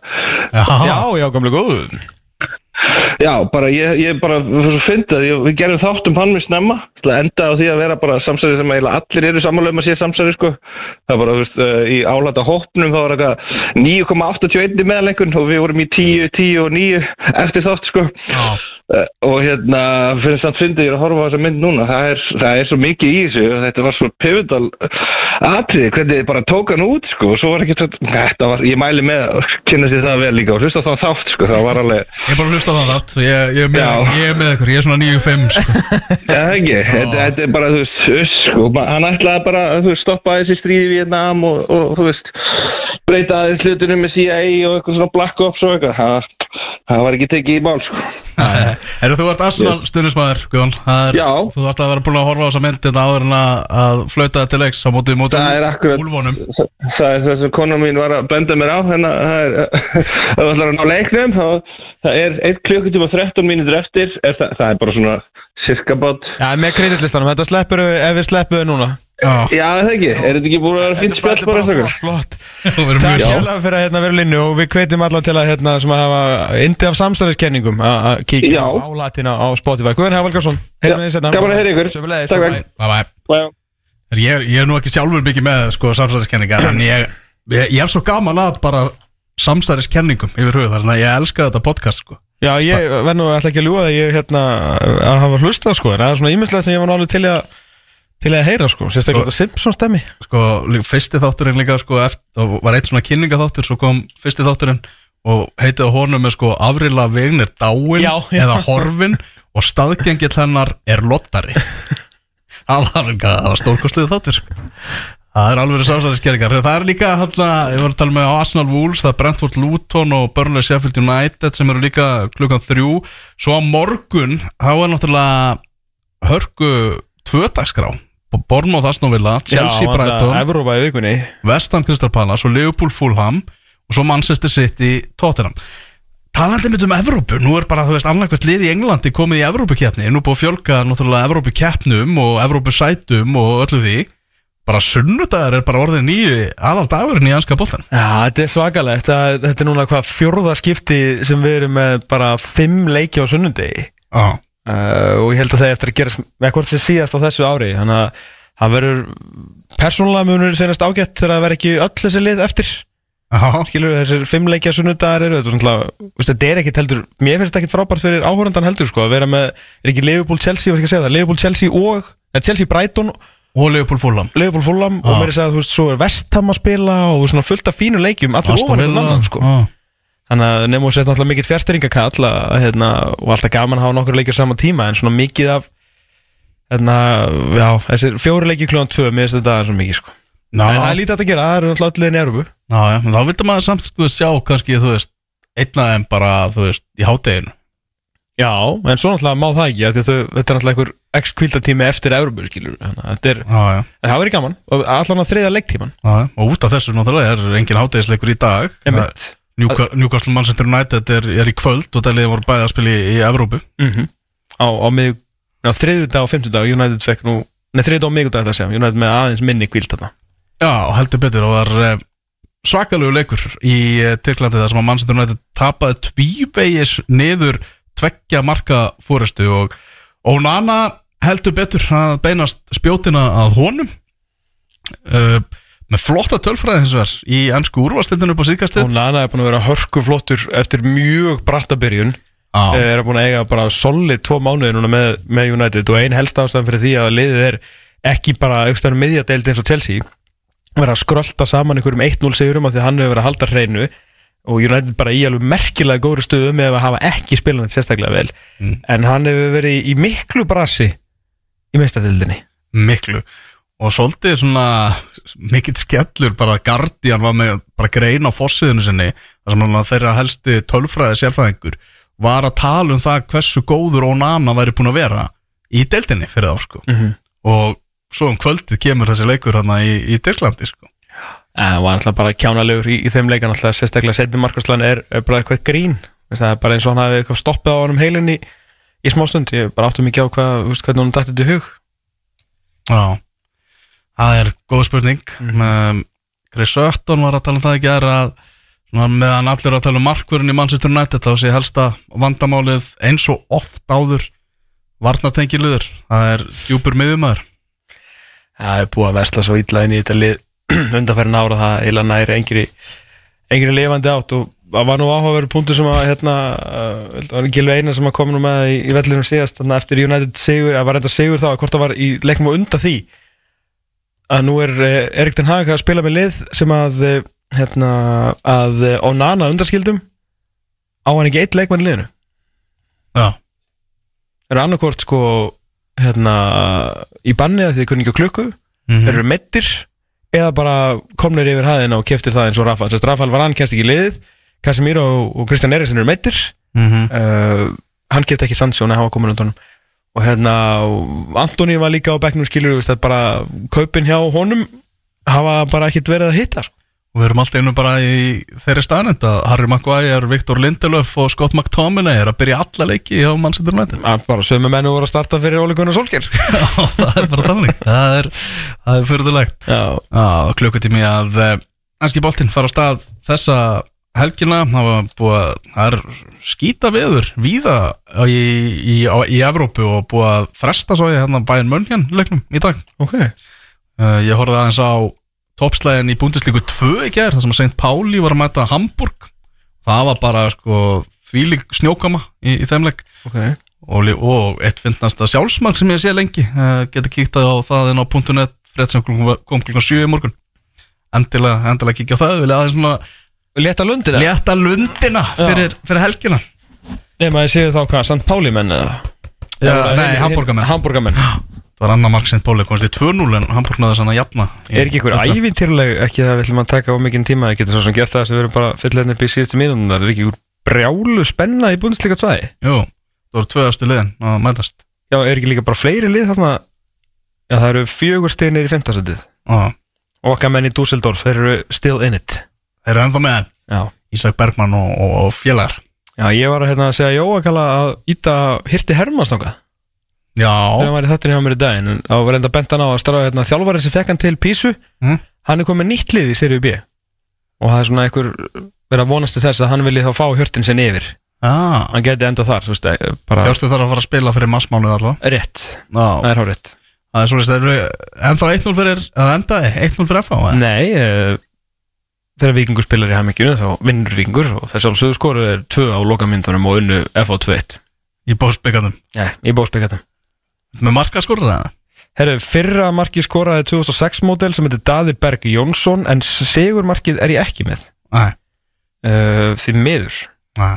Einhver góð hetja? Já, ég ætla nú að giska bara Helgi Guðjóns. Já, það ekki bara, komin á bekknum og, og sett hann. Já, en þessum móti gafans geta okkar menn í Dúseldorfinu eru 5-0 yfir útöfelli gegn Nunberg Já, það er svoleiðis. Já, fyrst ég var nú með þetta en opið sko. Já, uh, komum víða við hérna í lok þáttarins. Herru útastáttur í fókbóti.net er á enda þennan laugadaginn við uh, heyrðum í, í góðum mönnum í þættinum í dag. Fengum Haugból Sigursson í, í heimsók til okkar og heyrðum, heyrðum í öðrum hauki formanni knastmjöndeldar Grindavíkur. Bara þungt yfir hjá, hjá Grindvíkingum. Já, en þeir eru, þetta er fólk sem að ber sig í gegnum þetta. Já, heldur betur. Og við stöndum með þeim. Já, Bara- ekki, ekki spurning og eins og Guðni T.H. sagði það er bara helsti kostur Íslands er hvað við erum fá. Og stöndum saman þegar svona hlutir gerast. Nákvæmlega, nákvæmlega. Já, uh, nú svo var Guðun Heiðar Valgarsson með smá samsæriskenningar í, lok Svona þáttarins. rétt aðeins í lokin aðeins til að, aðeins til að trúa. Þetta var nú sen ekki jafn alvarlegt og ég held að þeir voru ósamáli svegilega Já, Skilu, þeir voru bara að ræða máli ræðamálin En þeir voru ekki að segja að þetta væri samsæri hjá Master City sko. Hérna, já, hann náttúrulega spátóskertið á morgun fyrst í aðvendu og þú veist allt að gera sko.